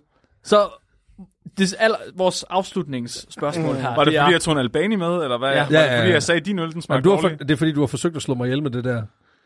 Var- Shit, var det fordi, gang i. jeg det sagde- der kloakvand, du har taget med fra Fyn. Ja. Øh, altså, det er fint nok. Jeg synes, det er bare det var forsøg på godt. Jeg synes, det var lækkert. Jeg synes, det var lækkert. Det er fordi, jeg tager, jeg tager målslinjen hjem, så jeg slipper. Det er derfor. Dagens aller sidste spørgsmål, det er, hvordan forener vi præcision med den gode historie? Hvordan får vi de to ting til at stå i samspil? Jeg tror, det øh, det jeg tit spørger mig selv. Altså, nogle gange så er historiske begivenheder enormt velbeskrevet. Mhm. Altså, og der er enormt mange detaljer, og nogle gange så er jeg simpelthen nødt til at sidde og kigge på, okay, når folk øh, hører, hører den her historie, tilføjer det noget til historien, eller tager det noget fra historien? Altså, stopper det historien lidt mere, at vi, at vi dykker ned i, i den her detalje? Og så kan det godt være, at den bliver mere præcis, men hvis den stopper fremdriften, så synes jeg jo egentlig, at det tjener imod historieformidling, fordi at så er det værd, at folk de bliver sådan, ah okay, nu rører jeg sgu lidt ud af den. Ja. Øh, og så får de ikke resten af historien med, og så er, det, så er det tabt på en eller anden måde. Hvor at, men der, hvor jeg godt kan lide at være enormt detaljeret, det er for eksempel, øh, når, altså, ja, ja, det lyder totalt pøl, men når jeg synes, det er vigtigt, at detaljerne er der, når jeg synes, det tilføjer noget, eller der netop er tvivlsspørgsmål, så kan de der detaljer gøre enormt meget for folks egen tolkning af det. Og det tror jeg øh, er noget, jeg, jeg prøver at være ret bevidst om, det der med at sige, okay, her er vi nødt til at gå ret detaljeret til værks. Det her, det kan vi godt skibbe lidt henover og bare sige, ah, okay, så gør han det. Øhm, men det, det er enormt svært, den balancegang. Jeg er heller ikke sikker på, øh, At vi har knækket. nej, det tror jeg ikke, man kan. Nej, det tror jeg faktisk ikke, man kan. Men jeg tror, en ting, der, der kan hjælpe lidt på vej, det er at prøve at forstå, nu bliver det så meget marketingagtigt, men det der med at prøve at forstå, men altså, hvordan er det, vores modtagere Mm. for, tager det her ind? Fordi altså, når du selv, og det, der kan man gøre, lave øvelsen selv, jeg gør det meget, øh, når jeg lytter til vores øh, podcast, når jeg sidder selv og redigerer det, for eksempel, det er ligesom at finde ud af, hvad er det, jeg husker, eller prøve at kigge på nogle gamle afsnit, hvad er det for nogle detaljer, jeg selv husker fra det her, fordi hvis der er nogle essentielle ting, jeg totalt har misset, kan det så være, at det er fordi, det er rent formidlingsmæssigt, bare ikke har, at jeg bare ikke har lagt det ordentligt. Mhm. Altså det der med, for eksempel, du får noget med som en bibemærkning, som i øvrigt er det her. Altså en, et virkelig vigtigt fakta, for at kunne forstå, hvorfor det her det er en vild historie. Hvis det bliver formidlet ud mellem sidebenene som bikommentar, jamen, så kan det godt være, at det svækker historien, fordi man, man ikke tager det med sig. Mm. Og så mister du rigtig, rigtig meget. Og det er enormt svært. Det er en svær øvelse, fordi I er ikke prototypen på jeres egne lytter. Vi er ikke prototypen på vores egne lytter. Vi, må, altså, vi er måske tæt på det, men vi er ikke. Altså, der sidder Desværre, vores lyttere de er virkelig nogle gode, interessante mennesker, som vi elsker meget højt. Det, det kan man sagtens gøre, så være, at de vil være virkelig forskellige. Ej, det var ikke meningen, at jeg skulle grine af det. Det, var bare, det, det lød bare en, enormt sarkastisk. Jeg tror, jeg tror faktisk ikke, det lød enormt sarkastisk. Men det tror jeg måske egentlig, jeg er, fordi jeg, hører, jeg kan virkelig godt lide at høre min egen podcast og høre på min egen stemme jo. Så, altså. Ja, ja. så hvis I gerne vil vide, hvem der hører vores podcast, så skal I bare kigge på mig. 5.000 gange Flemming. Så I, skal, I kan altid bare tænke, vil Flemming synes, det er jo fedt? Ja. Og ja, nej. Altså, der kan du købe sådan et armbånd, hvor der står, what would Flemming do? og så øh, kan du kigge på det, hver gang du gør noget. altså, jeg har Og så, det sådan, så bliver så under 9 hver gang, men altså... Det er jo godt, det, kunne- dem begyndte vi at, burde vi sælge faktisk. Ja, nej. Merch. Merch. Men nogle gange tror jeg også, det handler om det der med, at når man formidler viden på den måde, at det handler ikke om at give folk det hele billede, det handler om at give dem en forståelse. Mm-hmm. Ja, en Og, oplevelse. jeg, og der tror jeg, at nogle gange man bliver for detaljeorienteret, fordi man tænker, at vi skal have det hele med, men nogle gange så skal man huske, at hvis folk kommer fra nul, de aner ikke noget om, hvis vi siger øh, antibiotikaresistens, det aner mm. de ikke en skid om. Hvis vi bare kan få dem til at få en basal forståelse for, hvad det går ud på, så kan det godt være, at der er alle mulige andre aspekter, der ikke er, der, der er vigtige for at forstå det hele og forstå alle nuancerne i det. Men hvis vi bare kan få dem til at forstå, at det er res- øh, bakterierne, der bliver resistente, mm-hmm. så er det sådan set ligegyldigt under hvilke omstændigheder de gør det, og hvad der sker, og at det, øh, hvis du stopper op i røven på en hund, så sker, der ikke, så sker det ikke. Og alt, alt det, altså, sådan alt det her, så det er mindre vigtigt. Nogle gange så er det mere bare forståelsen mm-hmm. af det brede billede, der, der, der er vigtigt i den formidling, tror jeg. Jeg tror, det bedste, man kan gøre for sig selv som formidler, det er det der med at prøve at være bevidst om, hvad for nogle værktøjer, man har i kassen. Altså for eksempel, for eksempel sådan noget med res- øh, altså, øh, resistens i bakterier. Jamen altså, ja. det er fucking svært at forklare, fordi det er meget noget med forskningsresultater, det er meget noget med nogle tal, og nogle, vi kan se, at vi er i gang i en krise, fordi tallene siger x og x og x. Det er jo der, hvor, hvor medierne typisk vil gå ud og finde nogen, som er, altså, vi skal finde nogen, der er sure, eller nogen, der er døde, mm. ikke? Ja. Og det er fordi, at det er sådan lidt, jamen det her, det kunne være din moster. Agtigt. Ja. Mm. Og det er, jo, det, er jo en, det er jo en klassiker, men det er også, og, og, og det er også derfor, det nogle gange ikke virker, fordi at den der med, at man forser det. Altså nu øh, har der kørt den her historie øh, i det store mediebillede lige nu om sådan nogle unge mænd, der, der skyder paraffinolie ind i deres muskler for at blive større, ikke? Og, Nå, sådan. ja, ja, ja. og, og hvis man på overfladen tænker man, hvad fuck, altså er I nogle fucking idioter, fordi de ligner alle sammen bare nogle bøver. Altså det er flexfit kasketter ja. og lidt for øh, stramme polo t-shirts Ja. og sådan noget. Men når man så hører deres historie, så kan man se, at det er noget, der er blevet brugt lang tid på at kuratere de her fortællinger om nogle mænd, der bare gerne vil passe ind, og bare gerne vil have noget mere selvtillid, Og og, det rent faktisk de. har en spiseforstyrrelse på et, helt, et basalt plan. Præcis, og de ville egentlig måde, bare gerne, altså, ville gerne virke store og farlige, og det gjorde de så i desperation og i en manglende forståelse af, hvad fuck de laver. Og nu er de blevet klogere, men til gengæld så er deres øh, arme også væk, ikke? Mm-hmm. Altså, hvor de, nogle af dem har for helvede fået tilbudt at få fjernet begge deres arme, og de har overvejet det. Det er jo fucking sindssygt. Det er jo fucking Så er vanvittigt, det altså svært at onanere lige pludselig. Ja, præcis. Så skal man fandme have... Det kan lade sig gøre. Nej, Dem skal, kan vi ikke sælge nogen armbånd til. Nej, så skal du, du skal i hvert fald have fjernet nogle ribben i begge sider, for at det virkelig bliver til en ting, ikke? Hvordan onanerer du uden arme? Har du meget fleksible ben? Nu bliver jeg nysgerrig. Tær. Har du Tær. nogensinde prøvet at sove i en seng, hvor det er sådan, du, altså en dobbeltseng, men hvor det er to madrasser? Så kommer du aldrig op igen. Ej, det er også noget lort. Så sidder man fast der. Og så en spand, og så en spand ind under, så kan du køre en hel aften. Ordet, ordet dolk får en helt ny betydning. Ja. Men jeg tror bare, altså der kan man sige, der, der har man jo valgt den gode case og den skarpe mm. case. Der har man brugt enormt meget tid på at finde de her folk og kuratere og, bruge, og, og ikke at kaste, jo lidt, men altså virkelig bruge energi på at få dem, altså på at få klargjort den fortælling. Fordi du kan ikke formidle den historie. Du kan du godt, jo, de er, der, Herlev har lavet et eller andet, har lavet noget, noget, noget forskning og sådan noget. Du kan godt formidle den artikel. Det er bare sådan lidt, ja, ja, men hvem fanden er det? Det er mm-hmm. formentlig en fyr, der ser sådan noget. Nej, men nu er det ikke bare en, en eller anden fyr. Nu er det en fyr, der hedder Karsten. Han bor her, han ser sådan noget ud. Mm-hmm. Han kan virkelig ikke strække sine arme. Og når han arbejder på sit arbejde, kan han arbejde 10 minutter før, at smerten bliver så stor, at han er nødt til at stoppe. Der kan vi virkelig ramme den. Og det er jo også det, du siger. Vi skal have en god hovedperson. Hvad enten det er en sten, eller et spyd, eller en mand. Altså det der med, at vi er nødt til at gøre det personligt. Vi er nødt til at formidle det på en måde, hvor man kan på en eller anden måde enten sætte sig i personens sted, eller stå lige bag ved ham, betragte, beskue det, vedkommende oplever. Nu sagde det jo han. Det kan også være en hund. Det kan være alt muligt. Det kan være den. Det, Det kan være den. Men altså det der med, at man, at man øh, lukker øjnene og forestiller sig, at man står sammen og, og ser den her historie udfolde sig. Og det kan man gøre med sit sprog, det kan man gøre med citater, det kan man gøre med musik, man kan gøre det med alle mulige virkemidler. Det tror jeg er der, hvor du virkelig kan rykke noget. Og det er svært. Det er fucking svært. Men øh, vi bilder os jo selv ind, at vi rent faktisk har gjort. Nogle gange rammer den lige i røven, Mm. og nogle gange gør vi slet ikke. Men så laver vi nogle fucking pøllejokes, og så kommer vi videre. Ja, præcis. ja, ja. Vil du sige noget, Flemming, eller øh, skal vi Altså, sige tak nej, for, for det? første så tænker jeg bare, at det må være svært at hoppe madrassen uden arme. øhm, Du skal ikke bruge armen nu. for det andet, så vil jeg bare lige afslutningsvis sige, at jeg er uenig med alt, hvad I alle sammen har sagt. og den eneste grund til, at vi øh, hører podcast, det er for at glemme, at vi skal dø, mens vi laver et eller andet, hvor vi kunne være alene med vores tanker i stedet for. Det er fuldstændig korrekt. Ja, Okay, jamen øh, med det, så vil jeg sige... Øh, ja, okay. Skal vi have lytterspørgsmål? Eller er der nogen, der har vinket af os, vi skal se at komme ud? Nej, nej, Øh, det er der også, men vi skal have et lyttespørgsmål. nej, men jeg tror, det, først så vil jeg lige sige uh, tusind tak, fordi at, uh, I var her, og tak for den sindssyge indsigt, I har haft i uh, formidling. Det ved jeg jo ikke. Altså, vi, har det lige var, begået, øh, vi har lige begået alle de fejl, som vi selv lige har siddet og diskuteret. Ja, ja, ja, ja, men altså, så ved jo folk jo, at det er det, man skal, når man skal formidle godt. Det er, at man skal begå alle de fejl, som uh, Peter Alexander synes er fejl. Det er selvfølgelig rigtigt. Ja. Og hvis Det I er lytter... ikke smagsdommeri. Hvis du har fundet ud af noget andet derude, der, der fungerer for dig, Så lav din egen Så fucking det- podcast. Ja, så lav din egen fucking podcast og bland det udenom. Altså, vi tænker jo egentlig ikke rigtig at udgive det her afsnit. Vi tænker mere bare at stjæle alle de ting, I sagde, og så prøve at se, om vi kan gå fra Wish-udgaven af Vanvittig Verdenshistorie til Amazon Plus-udgaven af Vanvittig Verdenshistorie. Altså, du skal få en kontroversiel vært, der er en hvid mand over 50. altså, du bliver simpelthen The Grand Tour. Bare så, altså, du kunne selvfølgelig også slå Peter ned, eller tvinge ham til at aflevere øh, øh, koderne til vores, øh, til vores øh, SoundCloud-account. altså, jeg vil Og sige, så bare stjæle vores feed. han holder så godt i forhold til, at han er over 50. Ja, Jamen, det er jo det samme med Nikolaj Stockholm. Han er også en 80-årig fanget i en 20-års krop. Er rigtigt. ja, men jeg er jo faktisk bare en, øh, en 200 år gammel gargoyle, der... Øh, Gul. Gul. ja. cool. Det er alt det badsalt.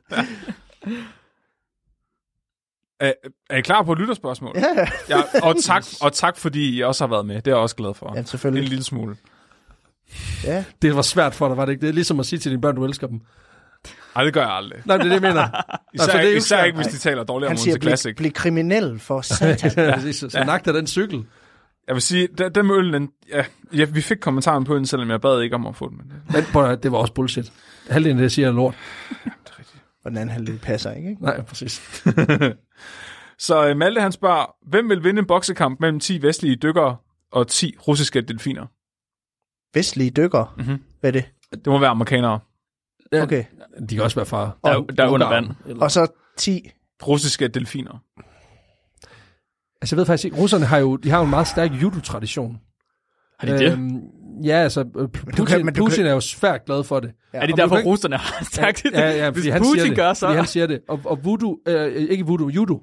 Judo. Og judo er jo ikke noget, man kan bruge under vand. Nej. Fordi det kræver tyndekraft. Og det kræver også store ben. Ja, ja. En flipper. ja, jeg tror, altså, jeg forstår slet ikke, hvordan delfinerne, så skulle de lave sådan en form for, hvor de bare roterer om deres egen akse, og så bitch-slapper de der med deres finder sådan. Der er masser af de der eksempler på delfiner, der voldtager mennesker under vand. Ja, ja, præcis. Men er det boksning? Altså, det er vel drøbelboksning, hvis du bliver, altså, Ja. hvis du bliver facefucket af en delfin. Jamen, det er. Så er det en form for boksning. Kommer an på din definition af boksning. Jamen, det, det, det ved jeg ikke. Altså, det er vel teknisk set bare, at hvis der er et eller andet, der slår dig, Ja. og hvis det så er din, øh, altså, din nakke, der bliver slået igennem din mund med en delfinpenis, Ja, ja, så, øh, men det kræver jo ligesom, at de først får dig i en position, hvor de kan gøre den slags ved dig. Så jeg tror, Altså, det bliver de vestlige dykkere. Hvordan ved vi i virkeligheden, at folk bliver voldtaget af delfinerne, hvis de er druknet bagefter? Altså, fordi en voldtægt kræver vel, at, at det er en uvillig samleje, men det kan jo bare være, at, at delfinerne er så øh, gode i sengen, så at sige, at man simpelthen vælger at drukne for bare at lade for, samlejet fortsætte. Du tænker simpelthen, at det er en overfortolkning af situationen. Så det, jeg Jamen, hørte dig sige, tænker- det er, at, at du tror, at folk, der bliver voldtaget af delfiner, det er bare folk, der har et virkelig absurd rape kink. De finder bare ud af, at det er så dejligt at have sex med en delfin, at de er villige til at drukne for at følge til dørs. Jeg ved ikke, det kan, Hvor- være, det kan være baseret på det der interview med hende der, der blev voldtaget af en delfin, og sagde hun ikke, hun, at hun blev voldtaget af en delfin. Jamen, det, det er bare bagefter, jo. så får hun fortrød det. Jeg tænker bare, at de her dykkere, de har jo ikke en Den chance. står på egen regning, det der.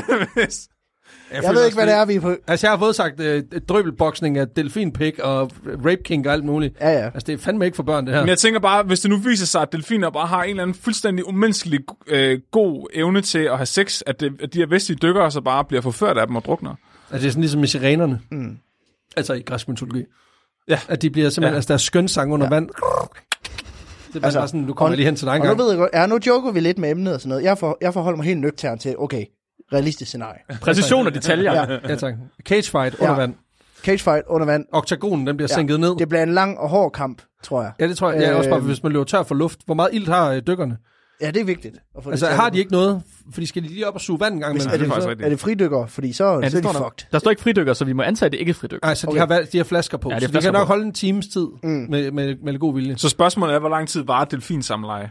Nej, de, nej, for det er jo en boksekamp. Men det ved jeg ikke, om det, om, det er, om det er det, du kalder sex. I nogle tilfælde, Jeg tænker skal jeg. sige, at du er vel teknisk set fra Sydfyn. så Ved du Det kunne godt være. Jeg tænker tie. Jeg tænker, det ender uafgjort. Ja, Nå, okay. Ja. Ja, ja, ja, altså ja. en, en two-way split. Altså, der er ikke, noget, ikke nogen tekniske KO's eller noget som De helst. er alle sammen døde bagefter. Ja, Ja, fordi alle de... Et meget Altså, hvis- mærkeligt gerningssted. Hvis man nu bokser dem i åndehullet, og så ligesom plukker den, Det er virkelig det- syg analogi for om det, kan, sex. om det kan gøre, Så altså, skal der skal jeg bokse dig i åndehullet. skal jeg plukke dig i åndehullet. det må man ikke. Det må man simpelthen ikke. Undskyld, det hedder en reproduktionstrakt. Ja, der er nogle praktikanter, der bliver sur nu, kan jeg godt mærke. Nej, men altså, det er jo boksning. Boksning, det er jo, det er jo for helvede, det er jo defineret kamp. ja. det men det er kræver fandme ligesom, at svært man at har bokse under vand. Ja, du kan ikke bokse med finder, Okay, så det bliver mænd. så vi har, vi Har har, okay, vi har nogle dykker. Vi har nogle dykker. De har hænder. De Ja. kan bokse. Mm. Til gengæld så er de under vand, fryse, så kan så det, så det er ikke så effektivt. Vandet giver modstand. Til gengæld så har på den anden side har vi delfiner, som er vant til bo under vand, men de har ikke nogen hænder, så de kan ikke bokse. Så det er en tie. Så jeg kan faktisk se, okay, der er plus one til dykkerne. Mm. De har trods alt en fordel. De bokser ikke så hårdt, men de bokser trods alt. Ja, det er selvfølgelig rigtigt. Og så ved jeg godt, at man siger, at jamen, delfin knipper, men det er ikke boksning. Det er ligesom, det er jo en knæpning. Det er jo knæpning. Det er knipning. Det er en anden disciplin. Det er noget, man praktiserede i det gamle Grækenland. Så kan det godt være, at du taber, men så, så bliver du, altså fighten bliver dømt illegitim, ja. fordi at du er blevet knæppet. Hvis der var en bokser, Ja, altså, Ja.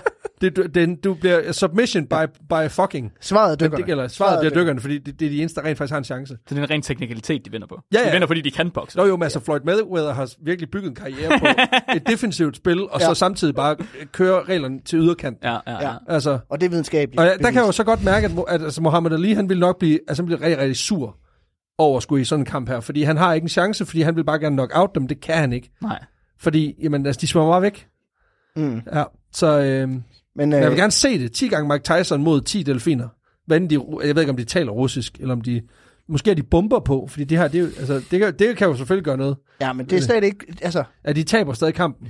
vi er nødt til at overholde boksereglerne. Ja, det er rigtigt. og der må du heller ikke have bomber Så må du på. fucking... Ja, men det er selvfølgelig rigtigt. Bid han, altså, vil han så bide finden af dem, når de ikke har nogen ører? Ja, det tror jeg. Ja. Ja, for det, det, det ender hele tiden en diskussion af, jamen øh, hvad nu hvis de gjorde, ja, sådan, ja, det er ligesom at sige, hvem vil vinde en fodboldkamp? Ja, men hvad hvis de en spiller håndbold? Jamen så er det jo ikke en fucking fodboldkamp. Nej, præcis. Så det bliver, det bliver dykkerne. Ja. Det bliver dykkerne. I det mindste så overgjorde vi ikke det her. Det er imponerende. Det er det mest øh, specifikke svar, vi har fået længe på et lytterspørgsmål. Men også fordi, I starter jo typisk med at bare antage en eller anden fuldstændig sindssyg virkelighed, og Hvorfor så ikke? svare på det. Ja. Ja, ja hvorfor ikke? Jamen det, jamen, igen, når man har brugt en time på at formidle forskning, så har man også brug for lige at holde fri. Det er præcis. Ja. Jeg ved ikke, hvad der bliver refereret til her. Nej, nej, Nej, overhovedet. Jeg aner heller ikke det. Undskyld. Det, Nej, nej, nej, nej, nej. Jamen, øh, tak for i dag. Tak fordi I lyttede med. Og tak fordi øh, Vanvittig Verdenshistorie gad lege med os. Selvfølgelig. heller gerne. Jeg håber, at I øh, kunne lide det her afsnit, selvom det var med nogle andre end os. De, jeg synes, de gør det meget godt, trods alt. Tusind tak. Og gå der lige ind og støtte de her gutter på tier, og i det hele taget kom, køb nogle fucking billetter til deres shows, mand. Og, og, Det griner den. og lige måde den anden vej, gå ind og lyt til, selvom I nok gør det allerede, gå ind og find van, van, vanvittig verdenshistorie. Wherever you can. Køb Der er nogle nok ikke billetter til vores fucking shows. Ja, køb nu her for helvede. til alle shows. Ja, bare køb nogle fucking billetter. Køb nogle billetter til et Eller eller nogle andet. Til busbilletter. et eller andet et show. eller Og Nikolaj Stockholm, han er også god. Ja. andet. Plok til hele lorten. Hold kæft, Niels Havsgaard, han har nogle gode nogen for tiden. Altså, til at se det. Køb nogle fucking billetter, altså. Ja, Hold kæft, mand. hvad fanden var det? Nå, Var det sygt nok? det var i hvert fald det. Skal vi have en dyrfakt? Ja, kom man. Så øh, Rum har skrevet ind, at øh, blåvaler er pattedyr, så de har navler, der er 20 cm brede. Det er med med et, et hul, der kan plukkes. Det er Okay. ret. Det er jeg glad for at vide. Men kan de vinde en boksekamp? Det tror jeg. Men de har også bare finder, ikke? Ej, 20 cm brede, sagde jeg. sagde meter, gør jeg ikke. Det Nej, det, man har også nogle store, de har større navler, end de selv er. Gad man give dem en t-shirt på, og så se en navlefnuller bagefter. Det er et uh, fremtidigt eksperiment. Det tænker jeg. Så laver du en ny t-shirt af navlefnuller fra en blåvands navle.